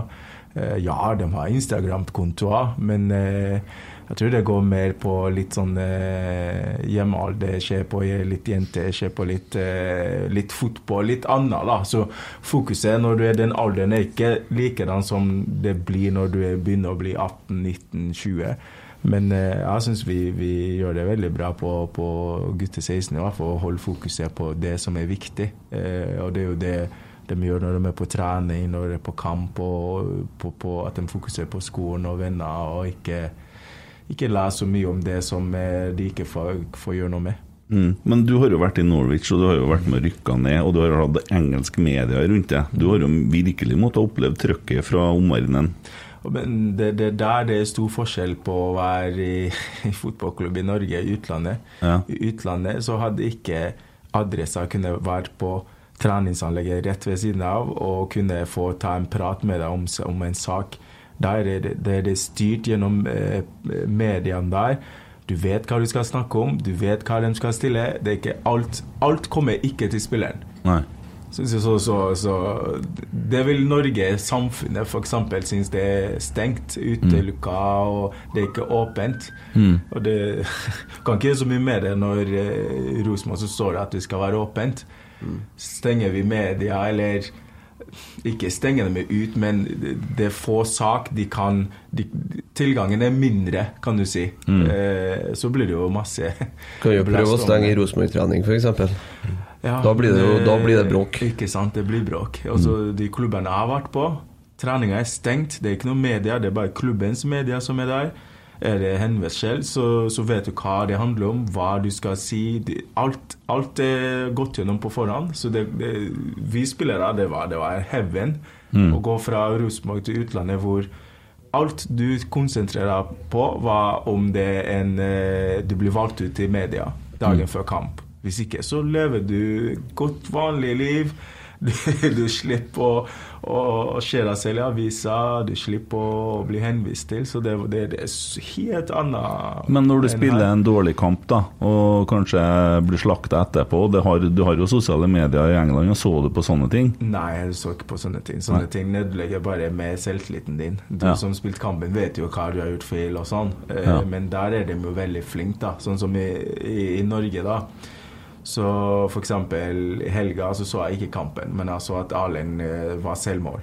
Ja. Hvem tror du de valget til å være eh, etter kampen å være i mediasonen? da? Mm. Hvem, hvem, tror du media vil ha til å snakke om kampen? Jo, det er Erlend. Jo, det er Erlend. Ja. Og da vet de jo at strategimessig da, at han er ikke fornøyd med å lage selvmål, og da kommer det en kritiske spørsmålet, og da er det plutselig sånn, så har de sagt noe som egentlig skal være i internt, da. Mm. Og så tar media og blåser det opp, og så blir det jo bare en negativ sak om ja. Rosenborg. Ja.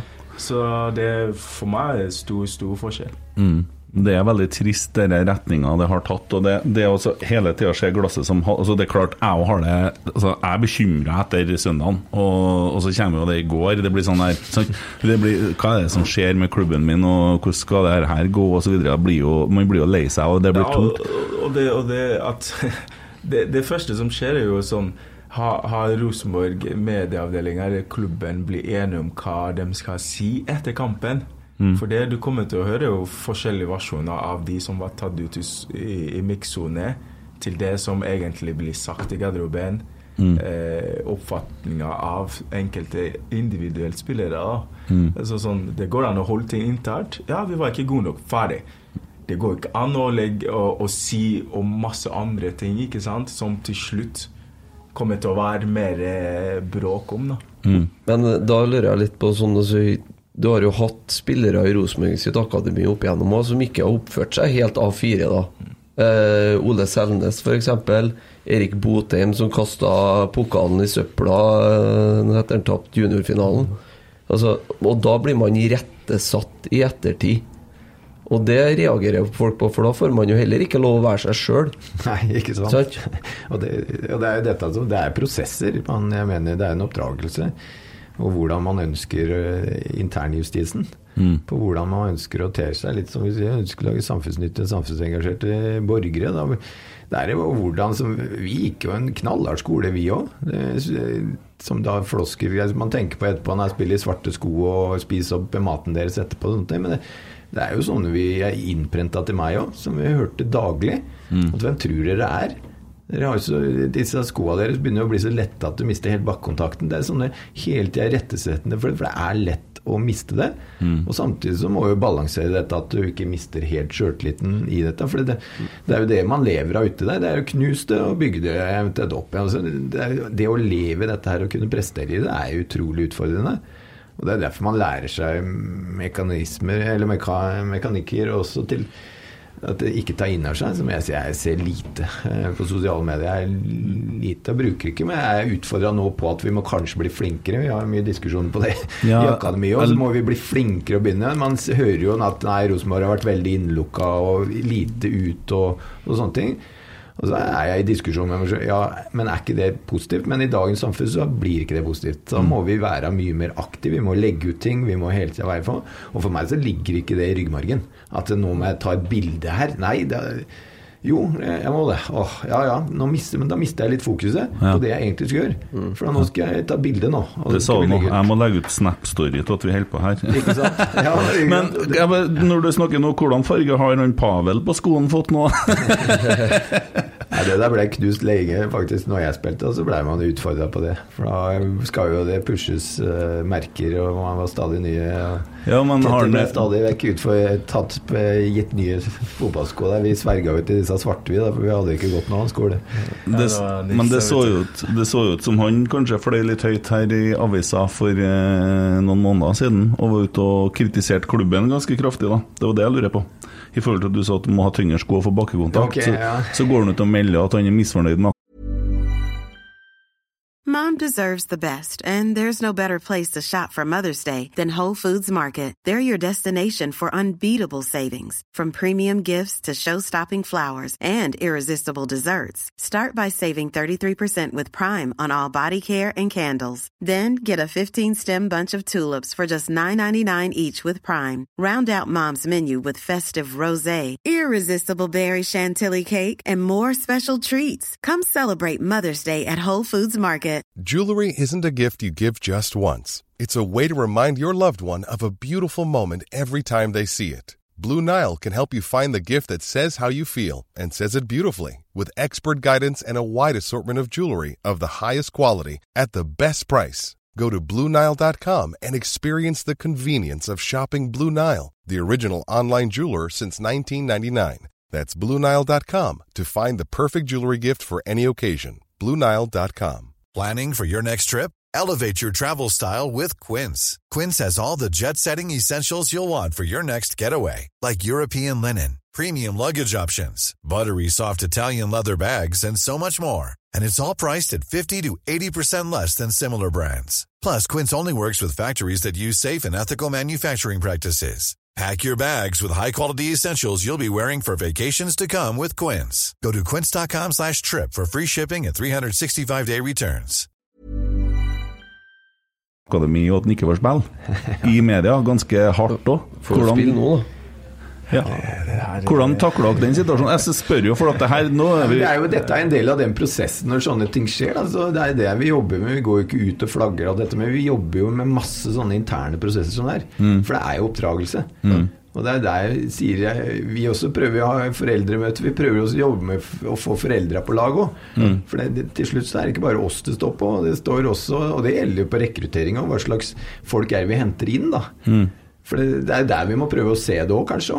At det, hvem har fått en riktig, litt sånn god oppdragelse på dette òg? For det er jo det det også dreier seg om. At man, man har prosess gående, og man har sparringa på hjemmebane. Og så sier jeg ikke at vi gjør alt riktig, men du må ha sparring hjemme hvor det også ba, ikke bare blir tilrettelagt for, da. Mm. Men faktisk Ja, men hva Ja, hvorfor er du så forbanna i dag, liksom? Mm. Det var dårlig. Så begynner man å si Ja, men ja, hvorfor det? Var ikke altså, Begynn å undres med unga. Begynn å undres med spillere. Og på en måte ja, reflektere. Hva tror du Tetty tenker, da? Hvorfor tror du han eventuelt var det? Det er jo denne sparringa. Den trenger ikke bare bare hoppe og at nei, nei, men jeg tar en mail eller jeg tar en telefon, liksom. Mm. Men han gikk jo ut og kritiserte Åge direkte, og han kritiserer ting på akademiet direkte, og han er skada. Så kommer han etter hvert tilbake på trening. Hadde dere en prat med han? Altså, er det greit at han gjør det? Nei, altså, vi har jo fortsatt en prosess gående med det. Ja. Vi har senest en prat i, i går på dette. Altså, eh, så dette er noe vi må jobbe med over tid. Og så Ja. gir det sånne utslag. Det er jo det som er det vi sitter som Tetti sier, vi sitter og evaluerer kamper, vi sitter og jobber. Og det er ikke bare på fotballfaget, men det er jo også på dette ute òg. Mm. For dette er jo også former. forme Skal disse overleve i garderober seinere, som jeg og Tetti vet mye om, Mm. så må du kunne forholde deg til en gruppe. Og du, du må gjøre deg det, på en måte fortjent til å passe inn i garderoben, for det er snakk om din egen arbeidsplass. Mm. Og det, det å kunne også te seg og oppføre seg. Da. Nei, vi, hadde mye, vi har masse sånne prosesser. Og dette er jo ikke en ekstern greie.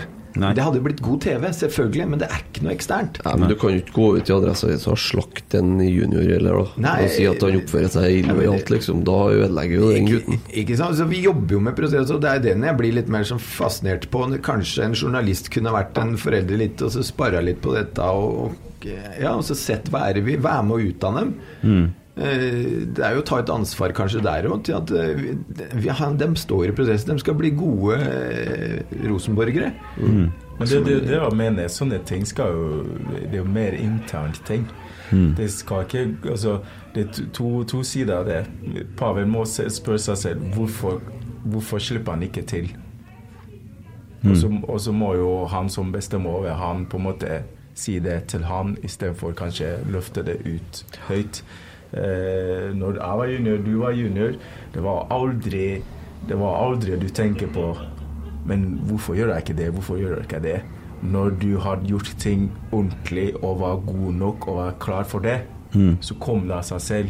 Dagens ungdom søker fortgang i å få ting gjort. De, de vil at prosessen skal gå så ekstremt fort at til og med dem tar tak selv og, og, og vil få i gang det.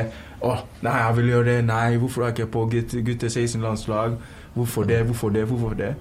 Gjør forarbeidet på arenaen du er godt nok, så kommer ting av seg selv. Mm. Ingen av de som var gode nok, som var, har vært junior før, gikk og spurte treneren hvorfor får jeg ikke spille, hvorfor det er det.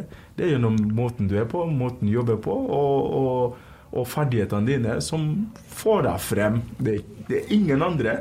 Nei, det, det, det, her er litt så sånn fast, det. Ja, det er veldig viktig. For jeg syns det er litt sånn fascinert. Jeg blir litt sånn av og til sånn en sånn mangel på til oss eh, i generasjonen vår. Så det er sånn, litt sånn respektløshet. Måte. Litt sånn respekt for hverandres jobb, på en måte. Og, og. Vi, vi setter plutselig spørsmålstegn med mye. Mm. Som egentlig Hvor kom det fra, liksom? Hvordan, hva slags bakgrunn har vi for å begynne å utfordre det? Og det er det jeg tror også veldig De kopierer litt unga òg, da.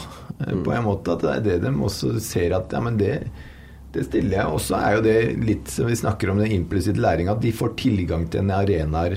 Og den blir hos oss òg veldig Du får lov å trene med A-laget litt. Du, og det å skjønne da, ja, hvor Som jeg også leter etter. Vi leter etter å finne nivåene til spillere. Mm. For hva behersker du? Eh, og, og så tar det videre. Altså det, den er jo litt sånn De er jo med overalt litt. Plutselig trener de med A-laget en uke. Og da flytter man seg sjøl litt, tror jeg òg, da. Mm. Og opp på et høyere nivå. Så har du en der. far som sitter når du kommer hjem, og så har du en agent på telefonen som forteller deg hvor jævlig god du er, og hvor langt fram du er, og så at du bør jo egentlig være der og der, og, Ja, og det der er skummel eh, utvikling. Ve- Veldig, for det, det gjør noe med den indre driven og indre motivasjonen til spilleren. At han blir litt sånn satt ut av det. Og så tror jeg ikke det er hans skyld heller. For det, det, det er der jeg kjenner på, vi kjenner på, at fasen, vi har masse prosesser rundt hvem gir vi tilgang til arenaen nå. Fordi man må være klar og moden for òg. Og så bommer man jo, og så skjer det ting så kjapt. Og så er det et lite A-lag Nei, nå er det mulighet til å være med. Og så, å, ja, nei, var ingen, ja, nei, men da får han være med. Og så ja, blir det riktig. Ja, klart Sånne har vi store prater om, og dette er mye arbeid rundt. da Ja, Hverdagen din består jo like mye av å skuffe folk som å glede folk, egentlig. Ja, ja, hele, hele tida. Ja. Som jeg sier, aldri I en fotballklubb så er jeg aldri noen som er fornøyd, egentlig. Det, det, jeg hadde senest en diskusjon på det før jeg gikk hit i dag òg. Du har elleve stykker som ja, 24 i tropp, og det er, med en gang så har du veldig mange da, som ikke får spill. De er misfornøyd. Og så har du fire stykker som du tar ut underveis i, i kampen. Dem er ikke fornøyd. Så er det bare å håpe at de vinner, da, for da, da vil folk inn på laget. Folk vil fighte for det. Taper man, så har man litt andre effekten. At det er folk som eh, helst vil rømme, rømme båten litt. da. At det er kanskje like greit å bare sitte på utsida her. Ja. Jeg leste noe i går, han, er det Tor Klevland han heter? Har skrevet noe om ei trollkjerring som var med en, eh, fikk eh, en kall i Rosenborg som fikk henne på 60-tallet. Som hengte opp i målet som et sånt lykketroll. Ja, det var jo der eh, Det er jo der trollungene kommer ifra. Det er der, Keeperen. ja, når vi vant den kampen, så ble det da trollungene slo til. Derav kom uttrykket ut av ei trollkjerring som hang opp i nettet. Lite skulle de da vite at det kom en ny supportergruppe som heter Nettrollungene, som har begynt å blomstre ganske hardt det siste tiåret. Og det er jo en eh, ny supportergruppe som man okay. må forholde seg til. Altså alle trollinger som skjer på nett, der du har da et menneske som sitter og tenker der, hvis jeg skriver det, så får jeg mange likes. Altså Han setter seg sjøl foran klubben Ja. og øh, samler likes. Og det er veldig mange likesamlere av meg også. Når jeg skal skrive en tweet, så tenker jeg at dette er litt kult. Her er mange som liker. Men så er det noe med å klare å balansere det, eller at det blir jo etablert masse sannheter, og det, det er masse Det spinner av gårde, og du får ja, det, Hellige jul for en annen hverdag. Det var ikke så mye sånt når du spilte. Nei, det, det var jo ikke det, og det er jo den vi prøver å i hvert fall ha en, en sånn visjon om å, skape det miljøet i Akademia òg, hvor det er et fristed. Hvor de skal få slippe unna å leve det livet som jeg føler har vært fantastisk, ja, uten Uten det å bare kunne ha fokus på fotball, litt sånn tett i Simen Norwich her. Og liksom, man, man lever i den bobla. Og det, er- det er helt fantastisk, på en måte. Det er klart å komme der og treffe likesinnede som trener hardt, og som syns det er kult å henge i treningsrommet. Kult det er jo det vi må prøve. For det er et ytre press, og det er mye stress ute i, i samfunnet der. Og det er det som har frigjort meg, i hvert fall. Fasiken, og deilig å ha levd, hvor jeg bare har hatt fokus på å bli fotballspiller og, og lykkes litt. Og tatt av og til veldig lang tid før jeg har fått en bekreftelse på at jeg er på rett vei. Men jeg har hele tida jakta, og så har jeg fått et lite nyss. Yes, det her er, jeg, jeg fortsetter å jobbe hardt, liksom. Og vært med likesinnede. Og det, det, er, det er det miljøet der vi ønsker å skape borte hos eh, oss. da, Og det er en prosess hele tida ved å holde den kulturen der. Og som vi fortsatt jobber med eh, mye. Å skape, og ikke er i mål ennå med å skape helt den prestasjonskulturen som vi ønsker borti der. Hvor, det, hvor det blir kult å trene. Hvor det blir kult å trene riktig. Hvor det blir kult å prioritere. At søvn og, og mat er kult. Altså selv om du bare er 17-18 år gammel, så er det det som er artig. Det er liksom ikke Å stå imot det presset som jeg vet, Mange av gutta våre nå, i hvert fall det eldste kullet, med russetid og sånne ting. Jeg hadde på meg russedressen én gang, og morsomt tok bilde av meg. Jeg, noe, jeg var med og betalte på en russebil, men jeg var jo aldri på den russebilen. Men det å stå imot det presset som blir nå, så se hva alle andre holder på med, og se hvor gøy de har, og hele tida får telefoner 'Ja, hvorfor er du ikke her?' Og, 'Oi, nå må du komme', liksom. 'Nei, jeg har kamp i morgen'. Det å, å sitte hjemme da, det er, den er tøff, altså. Og, og det og det som vi også ønsker meg om, vi å skape det, altså det Da blir vi en, gjengen vår, i hvert fall. Vi, vi står imot det. Da, da ringer jeg en kompis, og så henger vi sammen. Så støtter vi hverandre i denne. For vi er nødt til å ta det valget der. For dette nivået på det, den fotballen vi ser etter hvert nå, er, er så skyhøyt. Så vi, du kaster bort noen dager her nå, så kaster bort noe, så Da blir du hengende etter Da blir du hengende etter, altså. Det er sjukdom og, og sånn rustig. Altså. Du kan ikke legge bort tre-fire måneder altså, med å ligge sjuk, altså. Nei, vi så vel det òg, for å si det sånn, på Sam Rogers på søndag. At han har vært ute en stund, så ut som han har gipsa begge føttene. Du så forskjellen på han, veldig stor forskjell. Så, og Kjetil og Geir snakka jo en del om det der òg, i forhold til at når, sånn som Adrian som ikke har blitt brukt, sant? for at de vil gjøre en rolig tilnærming og sånn, så får du jo litt sånn skader da underveis, og det er jo noe å håndtere, det. Eh, Jon Tore Krokstad. ja, eh, han er jo lederen i toergjengen, kanskje i dobbel betydning, det vet ikke jeg nå, men eh, han er veldig glad i BK2. Han er jo på alle kampene. Ja, ja. Ja, og han har stilt noen spørsmål der. Hva, altså skal vi ta gårsdagen først, da? Hva forteller dere i apparatet til en gjeng 17-18-åringer som tapper 7-0? Nei, Det er jo det som er spenninga. Vi hadde en lang prat både i går etter bussen og i dag også med Arnstad. Liksom, hva, hva starter med i dag? For vi har jo en ny kamp igjen mot, eh, på torsdag mot Eidsvollturen i NM. Vi har eh, kamp igjen mot Bodø-Glimt på, på søndag. Så det er noe med å å restarte. Og det er der vi diskuterer mye, jeg og Arnstein. Som vi har litt sånn jobber litt med. Altså, vi er kanskje litt like altså litt for Ja, jeg kom fra seniormiljøet, kanskje litt flere, og litt for kanskje knallharde òg. Å finne den balansen her, da. Det, vi, det å bare sage hele tida, eller det å bare være kritisk litt som den får, Vi må prøve å finne pustehull til dem òg. Mm. Så i dag var det en fin samtale egentlig, hvor vi prøver å få dem i tale òg. Og det er utfordrende selvfølgelig med gutter som er 17-18-19 til å begynne å, å prate. da. Men det er jo det vi, den prosessen vi jobber med. Altså de, de må begynne å sette ord på ting. De må begynne å snakke om ting. For, eh, og vi prøver også å bruke oss sjøl der, og på, vi, på ting vi også tenker på etterpå. Hva vi kunne gjort annerledes. Finne ut dette sammen med dem. Så vi hadde en, en fin prat på det, og så må man som vi, Det er bare ut og øve igjen. Det, vi må prøve, og det er det som avgjør litt sånn skjebnen videre til alle som går på akademi. Altså, hvem endrer atferd? da? Hvem endrer seg? Hvem tar læring? da? Og, og begynner Du kan jo ikke holde på med dette for lenge. Men vi, vi gir jo en tid, det er for tid. Men jeg, jeg veit nå på, på A-laget og sånt, det det var ofte et halvår du hadde. Og så Du har et halvt år på å korrigere deg inn. Hvis ikke så blir du hengende etter, og du, blir, du kommer deg ikke inn på laget. da. Spesielt når man kommer ny, så har man et halvt år til å liksom ta nivået, begynne å prege det, og så for å, for å kunne få tid da, til å stå i det. Og det er klart det er dette vi, må, vi også skal lære opp disse spillerne til å, å leve i òg. Og så må vi tolerere å gi dem bedre tid òg. Men samtidig må de kjenne på det også at det her er en konkurransesituasjon også. At de, de fremste Men både G16 og G18 er jo videre i cupen. Eh, er ambisjonene å vinne NM i begge Det er jo litt eh, Ja, det er jo det. For vi er det, Vi vet jo også at vi måles på dette. dette vi vet at jo mer vi henger med, dette skaper et omdømme òg. Og det er den vi sitter litt her for. og Dere utfordra kom dere i dag. Ja vi, vi, ja, vi må jo stille oss selv resultatene dårlige, For på lengre sikt så veit jeg ikke hvor skadelig dette er. Jeg tenker fjoråret og for meg også. ja, men Kanskje vi hadde gått der òg. De spillerne hadde litt ja, de, Veldig ofte har de tapt lite fotballkamper før de kommer til oss òg. Det, er- det er en litt sånn greie, det òg. Men de må jo nå, må jo nå en, altså, Ja. Det må jo treffe bunnen på et vis her Ja. nå. Hvis du fortsetter å tape 7-0 og 4-0 i bortekampene her nå, og nå er vi på vei gjennom divisjon nummer to på Ja. to år, så nå må vi sette gulvet en plass her. Det er helt klart. Og så helst Ja. Og den, det er jo den man må lete etter. Og det er dette at vi må lete sammen som en klubbsak òg, da.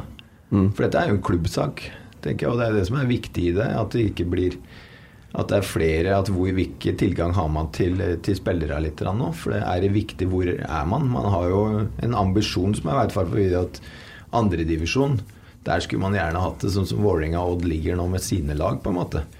Men det igjen nå kanskje, som jeg ser i etterkant, ja, krever det en større avstand på en måte òg. Sånn at man hadde hatt flere tilgang på seniorspillere. For det er klart, som er erfaringa fra fjor, at skal du spille i andredivisjon, som er nå veldig krympa inn med antall lag, og det er et høyt nivå, så, så må du ha erfarne spillere.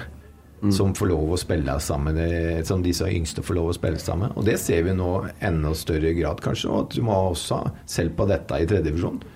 De som går best av eh, Hvis man begynner å etterlyse eller se litt etter der, og sånn som Byåsen og Junkeren, så er det eh, Daniel Berntsen spiller der i går, så er det er erfarne, en del erfarne folk òg. Så kan du si at ja, vi får jo med noe nå. Eh, men det er jo å finne denne balansen, og vi er avhengig av hjelp fremover, selvfølgelig. Og det må man eh, som klubbgreie sette inn en, en tak på, at vi må begynne å vinne fotballkamper. I fjor så fikk man jo null hjelp fra førstelaget, egentlig. Det var Det ble nesten ingen. Ja, det, det ble utfordring. Sant? For det har vært en skadesituasjon. Det er masse som vi også oppdager nå. Man sitter litt nå med litt altså, Hvem er tilgjengelig? Mm. Eh, og så skal man jo trene imellom dette fra et A-lagsperspektiv, og bare for å vise kompleksiteten i det. Man skal jo trene med, med trøkk og høy kvalitet på treningen òg. Mm.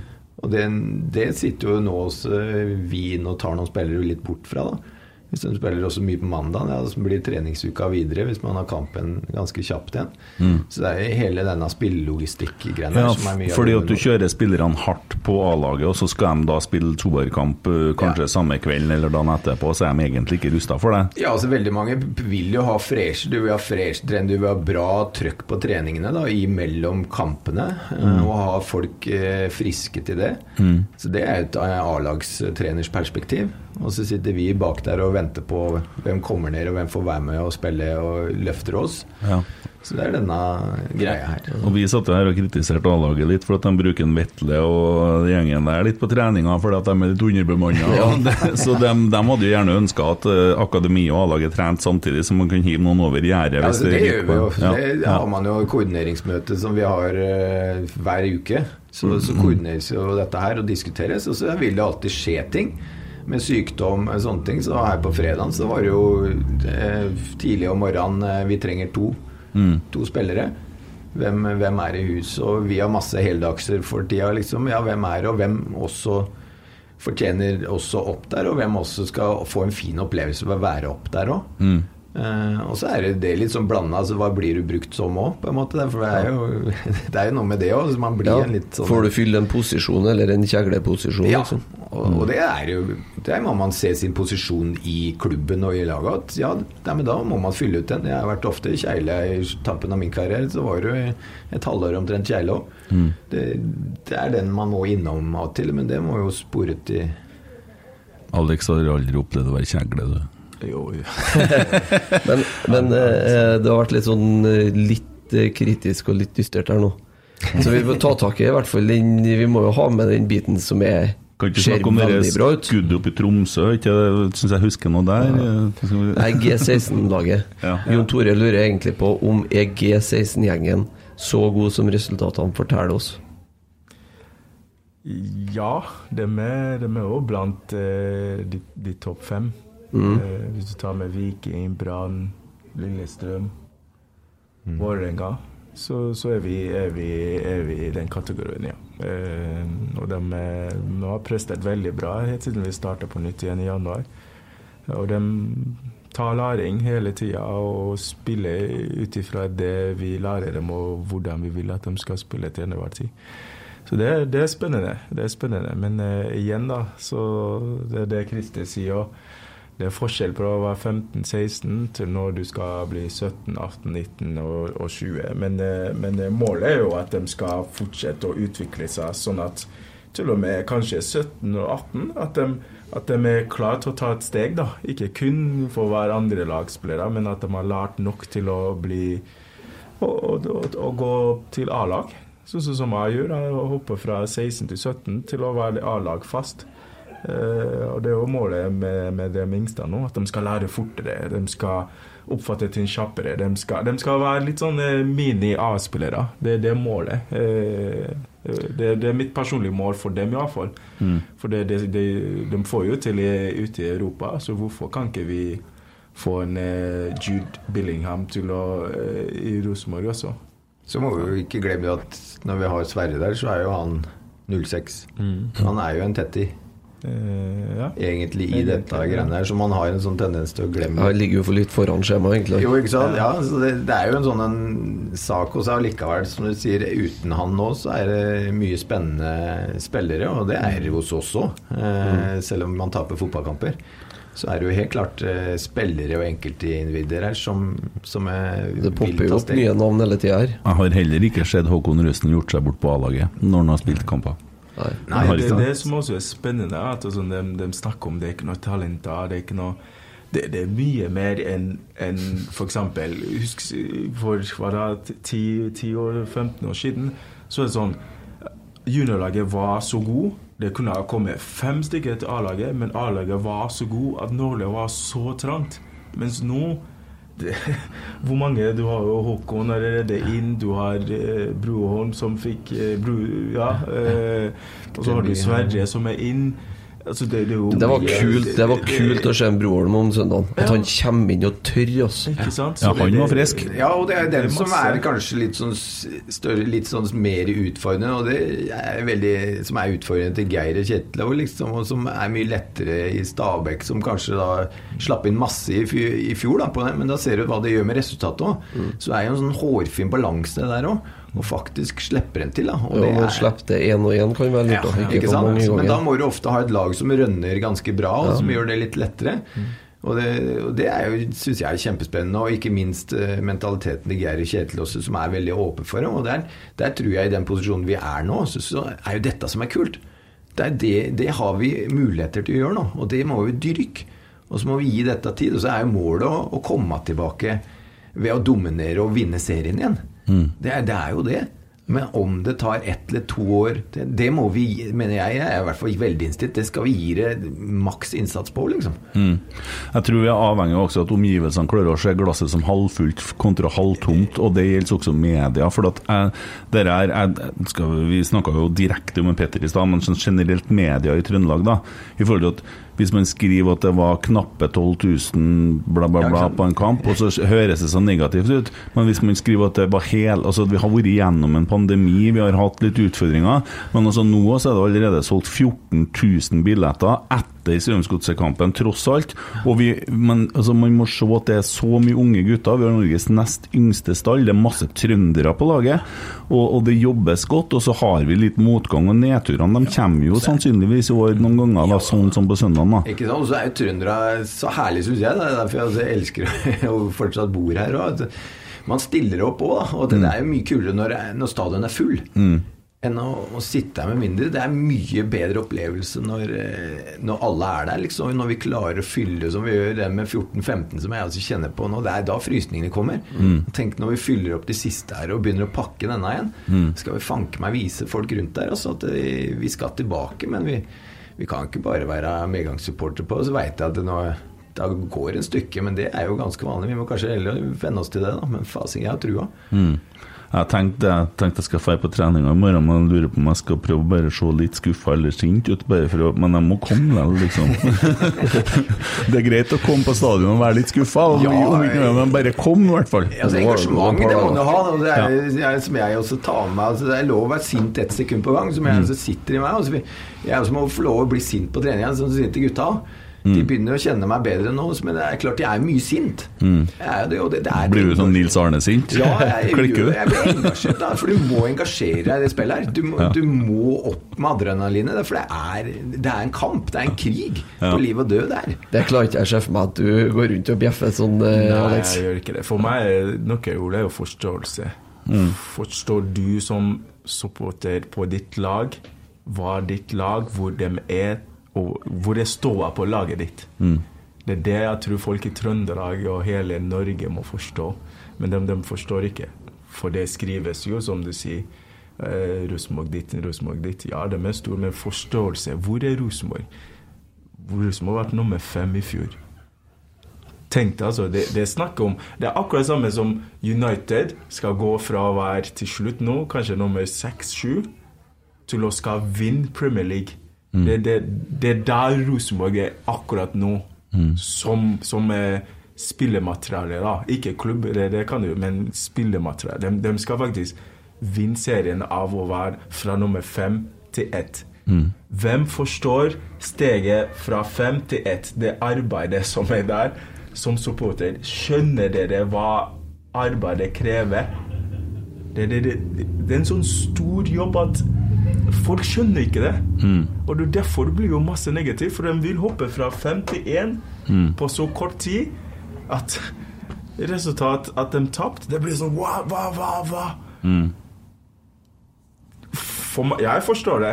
Men jeg stiller spørsmålet Jo. Forstår andre det, det, det, det Jo, arbeidet? men jeg tror, jeg tror at supporterne forstår og eh, kanskje har mer tålmodighet med klubben nå enn hva vi har hatt før. For vi har vært igjennom helt siden eh, 2018. Eh, da begynte egentlig nedturen. Eh, og det var folk som eh, kanskje vendte klubben ryggen òg. I forbindelse med noen rettssak og forskjellige greier. Men så har på en måte Pila har jo pekt nedover siden, og, og, og det, det begynner man jo å frykte at det holder på å skje i akademiet òg. og, og, og at man på en måte blir jo litt sånn redd, og så skal man klare å bevare trua her. Og så klarte vi å få Altså Uavgjort seier, uavgjort, uavgjort Og så kom den her viktige kampen på søndag. Så jeg tenkte den kampen her er så viktig. Fordi at det, Vinner vi den, jo, så er engasjementet tilbake igjen. Og hvis vi taper den, så er det så krise. Og så tapte vi den. Og så, hvordan skal jeg klare å være positiv nå? Hvordan skal jeg klare å Og jeg har ikke klart det etterpå. Altså, jo, jeg, jo, du skal klare å være positiv fordi det er en ny gjeng, det er et ny trener. Tålmodigheten dere som supportere må gi laget, må være ekstremt stor. Mm. Det, det, det finner ikke en grense egentlig hvor tålmodige supportere og, og alle i Trondheim må være med Rosenborg for tida. Mm. For det, det, kommer til å bølge frem og tilbake. Og når Kjetil sier at det, det er en stor arbeid vi må, altså, Han sier ikke det for moro sin skyld. Han sier ikke det for å beskytte seg selv. Nei, nei, nei, jeg, jeg skjønner det. Og, og så kan vi se Sunderland til I die, og så kan vi se hvordan eh, supporterne der er, men jeg har jo ikke lyst til å oppleve det samme som dem. Du må jo ikke frykte det. Sier, dette er jo ren, nå er vi inne på mentalitet, da, som er jo en ekstremt viktig greie i dette. Det handler jo om å bygge det gulvet en plass her Ja, altså, du, og det er for seg sjøl i sitt eget liv òg. Du må jo ha noe mot deg. Altså, det, er jo ikke krise. Ja, der og da, ett sekund. Mm. Men så må han jo bare stille om til Ja, hva har vi tenkt å gjøre med det? Mm. Mount up, kom igjen. This is. Sparta. Ja, Mm. ikke Nå sant? må vi nå, ja, skal, jeg, skal jeg reise på stadion? Ja, det skal jeg i hvert fall, som du også sa. Nei, da skal jeg i hvert fall på trening i morgen. Ja, Og det er jo disse vi må ha med oss. ja. Og det, er, og det er beste hvis du ikke vil det, så er det greit, men ikke si noe. Bare gå og gjør noe annet, da. Ja. Men ikke, ikke begynn å ta med deg skiten, på en måte. Det er og kult, begynne kult å være der den dagen det snur, vet du. Det er jo det. ja. det er Og, og kjernen, kjernen er utsolgt. Ja, Mm. og jeg, jeg tar av meg hatten. Fasiken, de har stått i det i mange år nå. Mm. Og det blir jo bare mer og mer solid. Så er det noen som virkelig viser veien litt nå, til hva vi må bare henge oss på. Mm. Så er det jo de. Den kan vi si nå. Vi, det har jo begynt å gå litt sånn på Twitter sånn Har noen en billett 16. mai, bla, bla, bla. Vær litt smart nå. Kjøp deg sesongkort fra neste kamp av, så har du plassen din på kjernen. Ikke begynn med det, For det nå holder på å bli litt sånn Hva kaller jeg? FOMO? Nei. Fear Ja. Billettangst heter det på norsk. Ja, ja. Fear of missing out. Ja. Kjøp sesongkort, så er du sikra plassen din. Så Ja, for nå er folk litt sur for at de, de ikke får kjøpt sesongkort på Ja. vår tribune, eller de 365-en, fordi at den er jo utsolgt mot Sandefjord. Ja, ikke 16. sant, mai har ja. vært ei uke. Ja. Og så får man ikke kjøpt et sesongkort da, for det er jo ikke noe ledig i den kampen som står over en vi over må en vente til neste, neste der. ja. Jeg skjønner. Fordi at Kjernen kommer ikke til altså nå begynner å utvide noe Øvre Øst fordi at det har vært utsolgt to kamper. Det kommer til å bli litt kniving om plassene ganske lenge før man begynner å gjøre noe. eh, Da vil jeg bare legge inn det med samme huske på det. Mm. Eh, fordi at eh, en plass der det er plass, det er med kjernen sin tur til Hamar. Mm. Og det kommer å bli også satt opp tur til Vålerenga, Lillestrøm utover våren her. Så det blir Og det kan bli en veldig artig tur nedover, i og med at nu Erik har bursdag 21. Ja, riktig. Så gutta går vel rett fra tapperiet til bussen, tenker jeg. Nei, men du, dere, du pirker jo veldig bra inn noe essensielt her. Liksom, hvem gjør den lille ekstra jobben der, da? Mm. Det er den liksom vi jo leter på akademiet.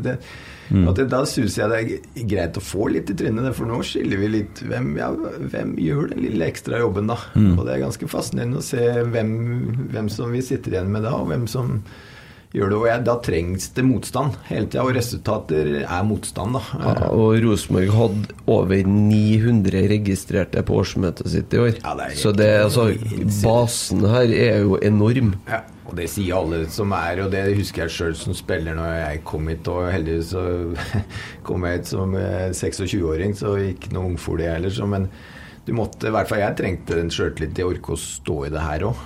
På en måte, det er noe helt annet enn, Mm. enn det er eh, i Bodø-Glimt, sier jeg meg sjøl òg, med media og, og, sånne ting. At det, vi får trene i fred. Vi får Men- holde på. Eh, Hos oss så er det mediaoppbud på alt. Og er ennå, Det er jo derfor man har gjort, som man- Tetti viser til i utlandet, og ting. Man stenger ut.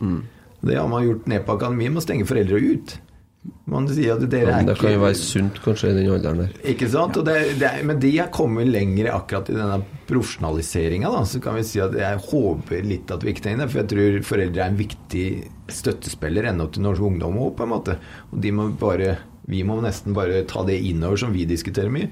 Skal vi være enda flinkere i metodikken og jobbe med foreldra òg? Med å ta dem inn til oss og faktisk litt Ja, hvordan, hvordan støtter man, da? Hvordan gir man den rette oppfølginga, da? For det, det er kanskje vel så viktig, det, istedenfor at de også føler at de kommer hjem, og så, som vi snakka om litt, ja, får de støtte, eller får de, hvordan blir de tatt imot hjemme òg, liksom? Og det, det er jo ikke tilfeldig at enkelte foreldre, eller enkelte unger kommer av Alf Inge Haaland. Liksom, det er ofte kjente sportsere, for de har vært ute før. Og jeg tror oppfølginga hjemme og støtta hjemme der er ganske direkte, på en måte. og Ganske sånn, ja, Til at denne eier du sjøl. Dette må du, vi støtter deg i, alt mulig, men klart du har sagt noe at du ønsker å bli. Vi, vi følger opp. Ja, dem sier det. Ja, men det må du respektere med å lytte. Kanskje, kanskje ikke var godt nok i dag, da. Det må du begynne å reflektere. Har du gjort det du? Følger opp det du skal? Jeg syns, jeg syns du er, blir seine kvelder nå. Jeg, det, det er liksom å kunne hele tida sparre mer på, på egentlig hva de leverer i hverdagen. da. For det er det som er helt avgjørende. Men Ja, så skulle de ha hatt sånn. Også Manchester City er eid av noe som heter Qatar, og de driver med sånne ting, så dit må du Der mangla det noe. Vet du. Ja, der mangler det oppdragelse. Men eh, bare sånn eh, På vei inn i akademiet, da, så er det jo veldig mange av de ungguttene nå som til, altså, kommer jo fra andre breddeklubber. Altså, hvordan er den dialogen mellom Rosenborg og klubbene rundt? Fordi at hvis de nå er igjen eh, Sånn som en Nypan, han er jo hører jo til i byen her, men hvis du har en fra utenbys, da, så kanskje gå ferdig et skoleår, er treningshverdagen der god nok? Han er på Lerkendal én-to ganger i uka.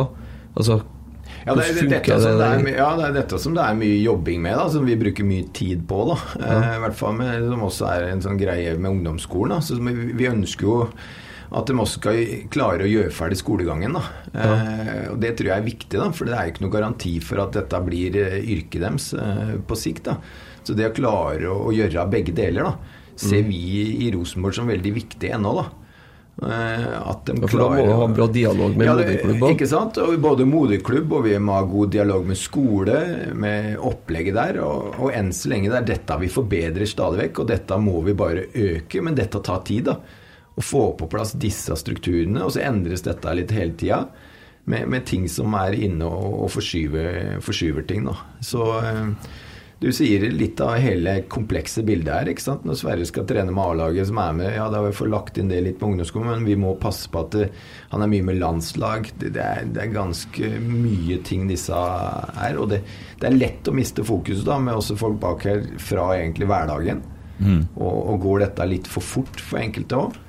Sånn at det, det eskalerer dette, og det fører faktisk til redusert prestasjoner, egentlig. For det, vi tar det for fort. For de er veldig ulike, disse gutta. De, de, de er, kommer fra veldig ulike steder. Og det er denne dialogen vi ba om å øke. Vi har prøver å forbedre hele veien samarbeidet med klubbene rundt litt. Vi har to spillere som eh, nå har fått lov fått en kjempeerfaring i Stjørdalsblink. Trent to ganger i uka med dem i en lengre periode nå. Dette må vi bli enda mer flinkere med. Til å, til også da sette dem litt mer ut i, i klubba, hvor de også da erfarer et annet miljø. Så noen kommer tilbake og sier 'Fasen, det er fine gutter, liksom, i Stjørdalsblink. For et kult miljø.' Og ja, det er jo det. Det er masse rundt der. Det er ikke overraskende, det. Men det er klart for dem så har de bare levd i den garderoben borte på brakka hos oss òg. Og det blir veldig en homogen gruppe som blir veldig sånn Ja, på godt og vondt, ja. Kom ut og, og se litt. Opplev fotballen, som jeg har vært i en tre, fire, fem klubber rundt. Det er fantastisk mye bra folk rundt omkring. Mm. Ja, eh, du snakka om landslag. Vi har jo faktisk tre landslagskapteiner på aldersprosent nå. Litt sånn, eh, det, det er jo også litt sånn men Jeg skal bare lese en eh, tweet fra Heder og Galle. Da er vi tilbake, er vi tilbake i mørket, for å si det sånn. Jeg bare leser alt, så kan du velge å svare. La det være, eller svare på deler. Eh, og det her er litt sånn gjengs Twitter-holdning. Okay, ja. ja. Er Eller en del. Hvordan forklarer de at vi går fra å være ledende på akademi i 30 år til å bli slakt nå? Hva er planen til Vikvang annet enn å ta, ta fra akademispillere all lyst til å spille fotball? Og så i tillegg, på 16 er de formet av breddeklubbene sine enda. Hva gjør klubben galt med de før de blir 18? Så påstanden er at spillerne har lært det her en annen plass, blir fratatt all kunnskap og ender som slakt. Nei, og det er jo en eh, påst, påstand, det. Eh, vi- Vi videreforedler jo noe som eh, de, de har skapt i klubbene sine. Mm. Og det er jo kjempebra. Det sier jo litt som vi ser med den 06-årgangen og det som kommer. Mm. Så er det jo PT er jo ikke noe å si på det. Og så vil dette her pushes videre. Så eh, klubba rundt der, vi må jo bare opp i, opp i ringa alle enhver. Da. Det ser jeg litt sånn på godt og vondt litt eh, i Trøndelag òg, som vi får press på kvaliteten som er ute der. da, mm. Som jeg er litt redd for når jeg sitter i fotballkretsen nå. Liksom, hvor mange foreldre etter hvert når vi snakker om som står på feltet da, Mm. og, og investerer nå en seks-sju dager i dette i uka. da. Eh, Det er jo de, det de kommer fra, disse her òg. Eller har vi kommet dit at frivilligheta er ikke så lett å dra i ennå? Det det er færre og færre fedre eller mødre som er villige til å legge ned denne tida som helt klart har blitt gjort. Mm. Og det er den endringa som Man er mer villig til å betale for det ja, dag, ikke sant? Eller, ja, man blir jo det. For økonomien, og så ser man det også, er jo selvfølgelig at betale kompetente, forhåpentligvis også folk til det. Mm. Og det ser vi kommer mer og mer, at det er bra kompetente folk også som jobber i disse private greiene nå. Ja. Så, så det er jo denne totalmengden som man kan sitte litt tilbake i Rosenborg og si ja, så lenge de har fått de ulike tilbudene her, så blir totalpakka bra. Mm. Men hvordan vil du si altså utviklinga i akademiet? Har, har akademiet blitt svakere, eller? Nei, det, det vil jeg ikke si. Og det er vanskelig for meg å kunne måle opp imot hva som har, har vært før. da. For det er jo tilgang og muligheter hele tida som endrer seg. Det er det som gjør det spennende å jobbe der òg. Det, det er så flyktig hele tida. Det kommer an på A-laget. Hva slags muligheter, hvordan ligger man opp serier, hvem slipper til, Mm. hvem slipper ikke til, Mm. hvilke årganger. Mm. Ja, det er jo en måte å måle det på. Det er hvis man går tilbake og skriver Tetti kom fra akademiet, gjorde ikke det? Siljan kom fra akademiet, og så kom den, og så kom den. Hvor mange er det nå? Og det er jo egentlig veldig mange Ja. som spiller på A-laget fra akademiet, så det er nesten sånn at det har blitt flere. Ja, ikke sant? Og det, der må man jo si, og det er der man må måle vår innsats. Men kan du først måle om en fem-ti år, kanskje? Mm. Det er det som er utfordringa med dette. Dette er utfordringen til akademiet rundt hele tida. Ja, det der har jo med hvor god A-laget er òg, som du snakka om i stad. Det er tilgang her også. ikke sant? Som vi sier, Man kan jo si at ja, de kom fra akademiet til Bodø-Glimt, men alle dem fikk jo spille A-lagsfotball, derfor da spilte de med Obos. Mm. Så da var det jo muligheter for disse gutta å spille og fikk oppturer med seniorlaget. Mm. Men de var jo i akademialder. Vi hadde jo en sånn periode i jeg tror det var 2011. Etter Hamren var tømt kontoen, så kom jo Janne Jønsson til slank eh, pengebok og måtte begynne å hente, og da kom det jo opp veldig mange.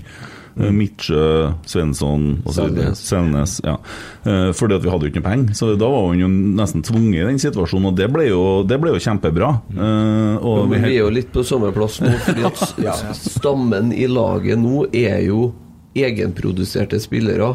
Skarsheim, Reitan, eh, Henriksen, Tagseth. Som Altså, har vært ute et annet steg. Så det er det vi prøver vi å fortelle gutta våre, og det må vi fortelle omgivelsene. òg. alle tror at når et akademi, nei, da skal du gå helt opp på A-laget. Mm. Det, er, det går rundt. De skal jo videre et sted etter oss. Mm. De aller, aller fleste. Og så er det jo da å stake ut veien og prøve å, finne dem i den eh, veien der. Du som har har vært en av verdens beste backer. Å, nå var du Ja, du var så god, du. Ja, du var Man får jo mye kritikk på det. Nok, Ja, jo, jeg tar det. Ja, ja, de må bare skrive Nei, men du var jo dritgod. Og Får ikke litt sånn kløe i lærbortfoten til en eh, når du ser innleggskvaliteten på A-laget noen ganger? Ta noe egentrening med wingbacker? Det er jo litt som Tetti sier her, også, som også etter kampen i går også, så blir jeg litt sånn fascinert. Og det må debrife ganske med ganske mange etterpå. liksom hvordan For det er så opplagte man står og ser det fra sida. Mm. Men man har jo sett det så mange ganger sjøl, da. Og det er det, man, det jeg driver og videreformidler et, og jobber daglig med disse spillere, er jo da å forstå hva de forstår. Mm. Og så prøve å, med, å, hjelpe til med, med, med min merkompetanse. da. Mm. Og som gjør dette av og til sykt frustrerende, og samtidig veldig herlig av og til når vi får de der aha-opplevelsene litt at eh, nå skjønte jeg. Nå er vi Yes, det er det du snakker om, ja. Jo, men altså, du, du for jo sånn på, på høyresida her og, og sprang opp og ned. Og, og så serverte du jo ferdigskåra innlegg. Ja, det var ikke mange som Det er ikke det ryktet jeg har Nei, jeg overdriver litt nå. Men savner ikke man å se at Erlend Dahl Reitan står igjen etter trening og trener på å legge inn ballen? Altså, hvor Men mange det, det gjør han. Det gjør han. Gjør han det? Ja, ja, det, det gjør han. Jeg har vært der, jeg har vært der i seks måneder, og det, de gjør det, vet du. Det, Ja. det er jo sånne som alle ikke ser, men han gjør det. Ja, det trengte jeg å høre. At innleggskvaliteten er for dårlig. Og til og med cornera nå. Altså, uh, Sist kampen òg. Vi får jo ikke ballen over. Altså, er det mulig? Jeg blir Ja, så det skuffa. Ja, men hvordan går det an da når, det er, når vi er tre minutter tillagt tid, og så har vi corner, så klarer vi ikke å løfte den over førsteforsvareren? Det, det må da gå an.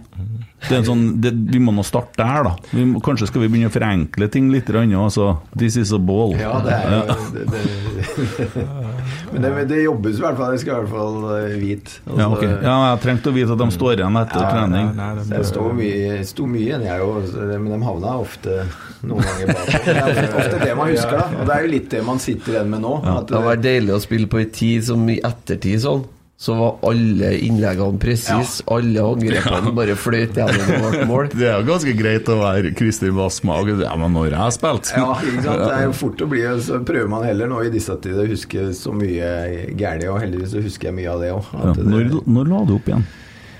Jeg ble jo på en måte Jeg fikk ikke spille mer utover i 2008. Så Ja. Da kjente jeg jo på at dette Så du rakk å få med deg 2005 og 2007? Ja, Ja da, så jeg fikk kurva Mm. ned. Du det rakk var å bli med og. Det var jo ikke alltid 2007 som var dårlig, var det da? Det var jo Nei, et par kamper mot Valencia. Ja, ikke sant. Vi fikk jo oppleve eh, gode kamper og, det var litt litt mestring. normalt igjen, tenker jeg. Kanskje sånn vanlig, sånn som de fleste opplever i en karriere. At det faktisk går litt sånn. Etter fra 2000 og Hvis du tar heller de fra 2003, når du kom 4-5, da var det litt mer Ja. Vant du serien sånn ca. annethvert år. Ja. ja, og ni. For meg så ble det litt mer Når kom du igjen, da? ned, men- 2000 og... Jeg kom i 98. 98. 98, ja.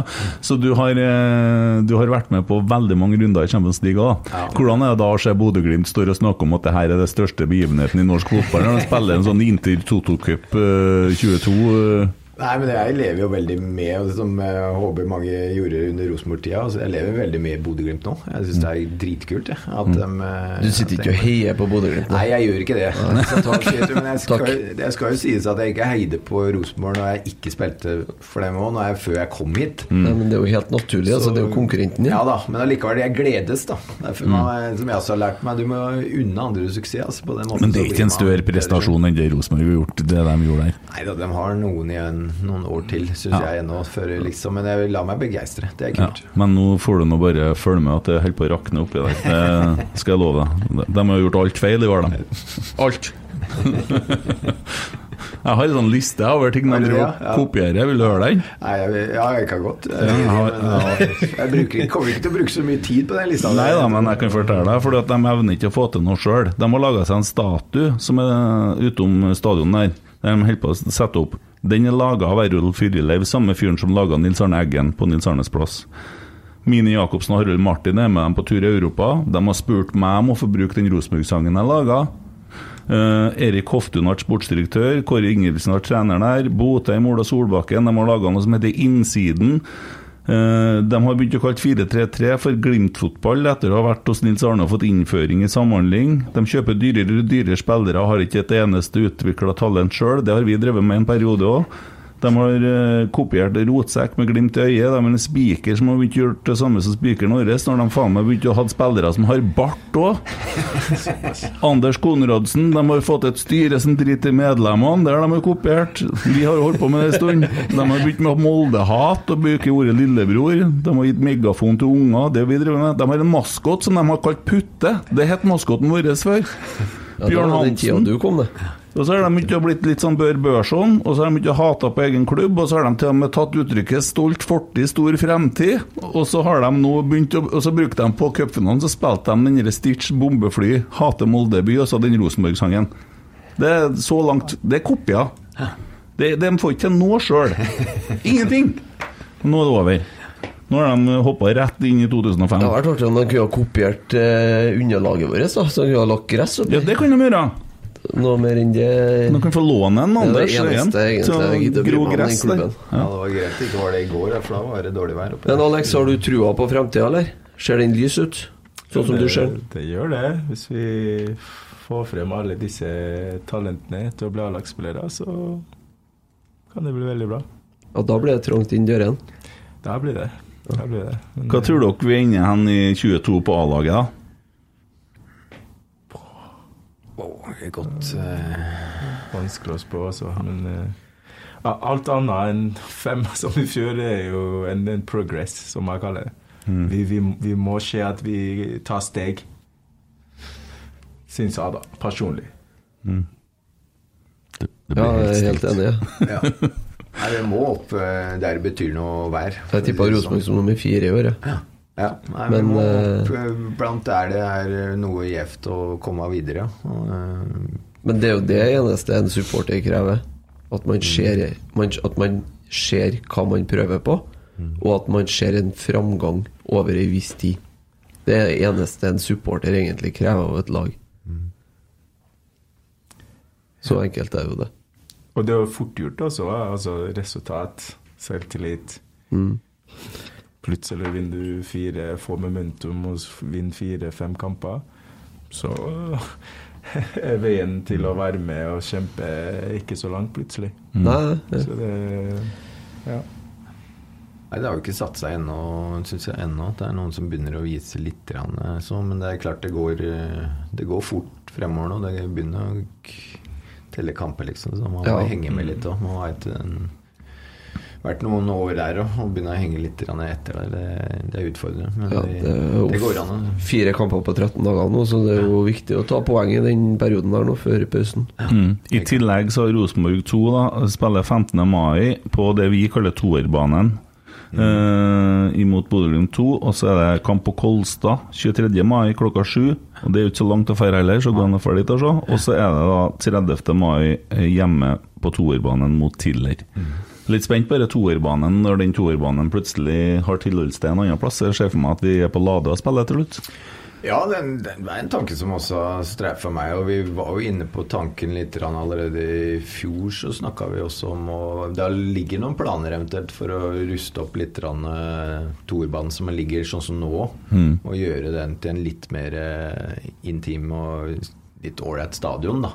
Ja, for det er jo litt sånn uh, fordelen med å dra til Lade, at vi får jo sitte på tribunen Ja, ikke sant? og få Det er noe med å skape den nå, som jeg sier, Ja. litt en implisitt læring, sånn at man ikke føler man er ja, veldig nummer to. Ja, men sånn som mot Orkla, Mm. så var det såpass mye folk på, utom brakka at da har du faktisk kommet til å fylt opp Koteng Arena, tror jeg. Jeg tror det at det kan Jeg også ser et momentum i det. Og jeg Ja. husker sjøl fra å ha vært ja, Når vi snakka om tidlig i øvrige klubber, sånn som Bærum, sånn, så var jo det høydepunktet. Det ble skrevet mye om det.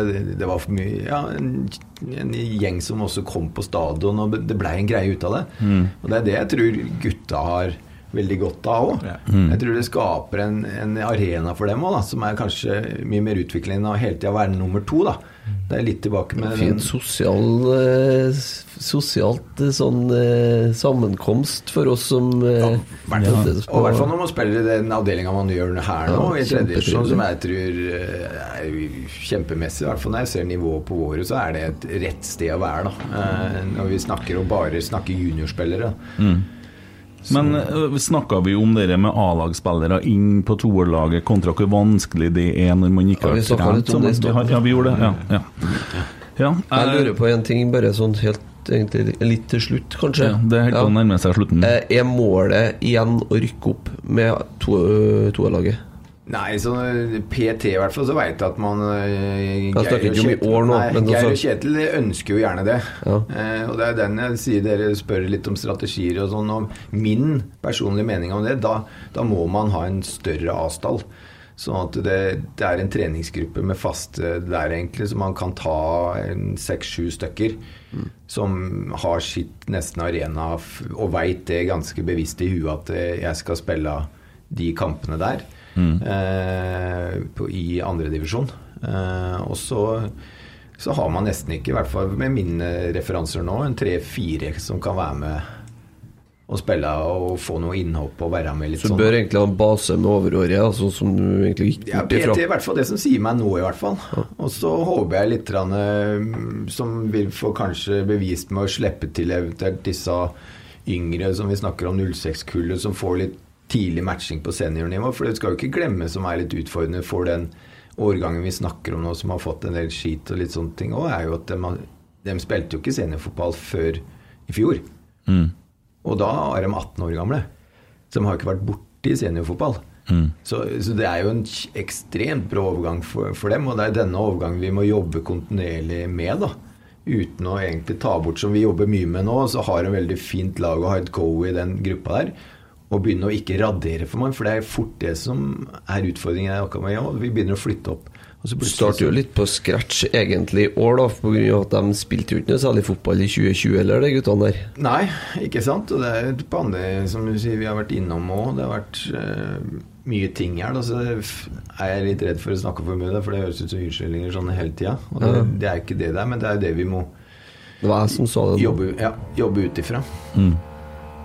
Her holder de på å bore i kjelleren. Ja. Sluttsignaler, ja.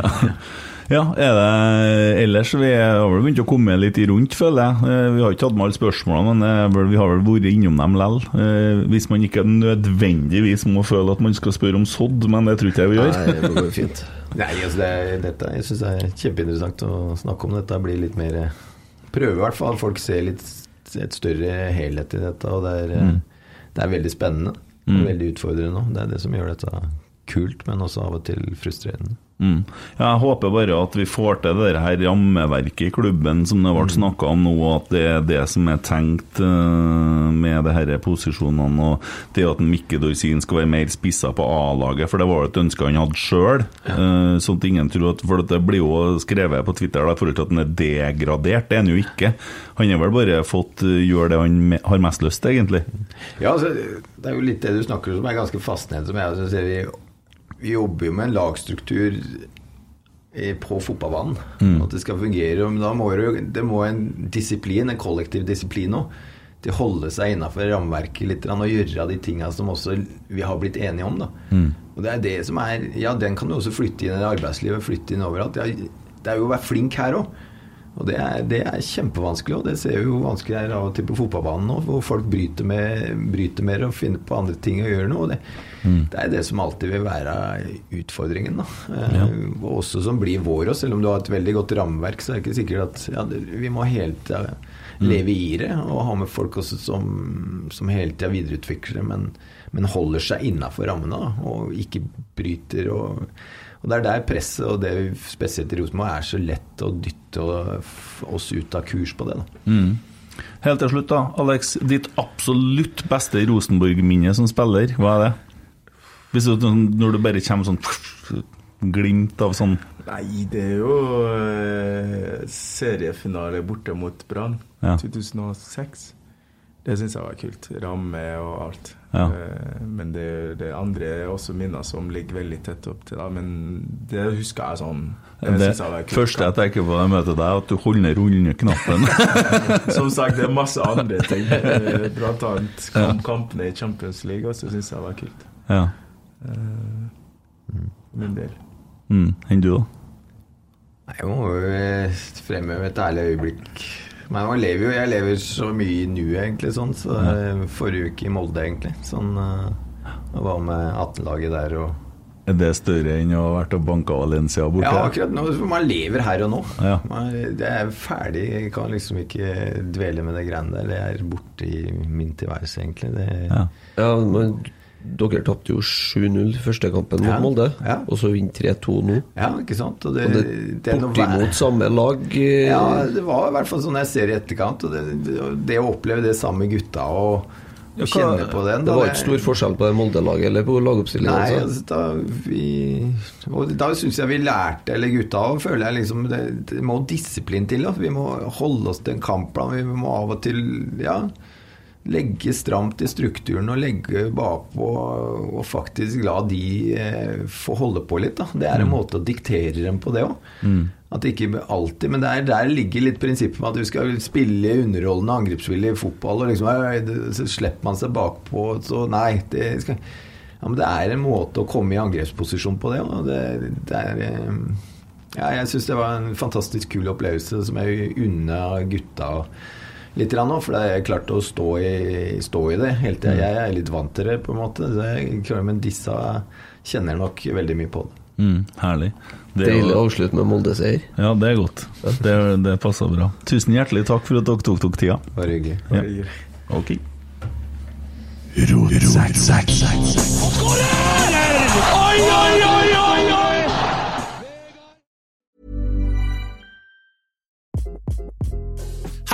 this is Craig Robinson from Ways to Win, and support for this podcast comes from Invesco QQQ, the official ETF of the NCAA. The future isn't scary. Not realizing its potential, however, could be. Just like on the recruiting trail, I've seen potential come in many forms as a coach. Learn more at Invesco.com slash QQQ. Let's rethink possibility. Invesco Distributors, Inc. Planning for your next trip? Elevate your travel style with Quince. Quince has all the jet setting essentials you'll want for your next getaway, like European linen, premium luggage options, buttery soft Italian leather bags, and so much more. And it's all priced at 50 to 80% less than similar brands. Plus, Quince only works with factories that use safe and ethical manufacturing practices. Pack your bags with high-quality essentials you'll be wearing for vacations to come with Quince. Go to quince.com slash trip for free shipping and 365-day returns. Mom deserves the best, and there's no better place to shop for Mother's Day than Whole Foods Market. They're your destination for unbeatable savings, from premium gifts to show-stopping flowers and irresistible desserts. Start by saving 33% with Prime on all body care and candles. Then get a 15-stem bunch of tulips for just $9.99 each with Prime. Round out Mom's menu with festive rosé, irresistible berry chantilly cake, and more special treats. Come celebrate Mother's Day at Whole Foods Market.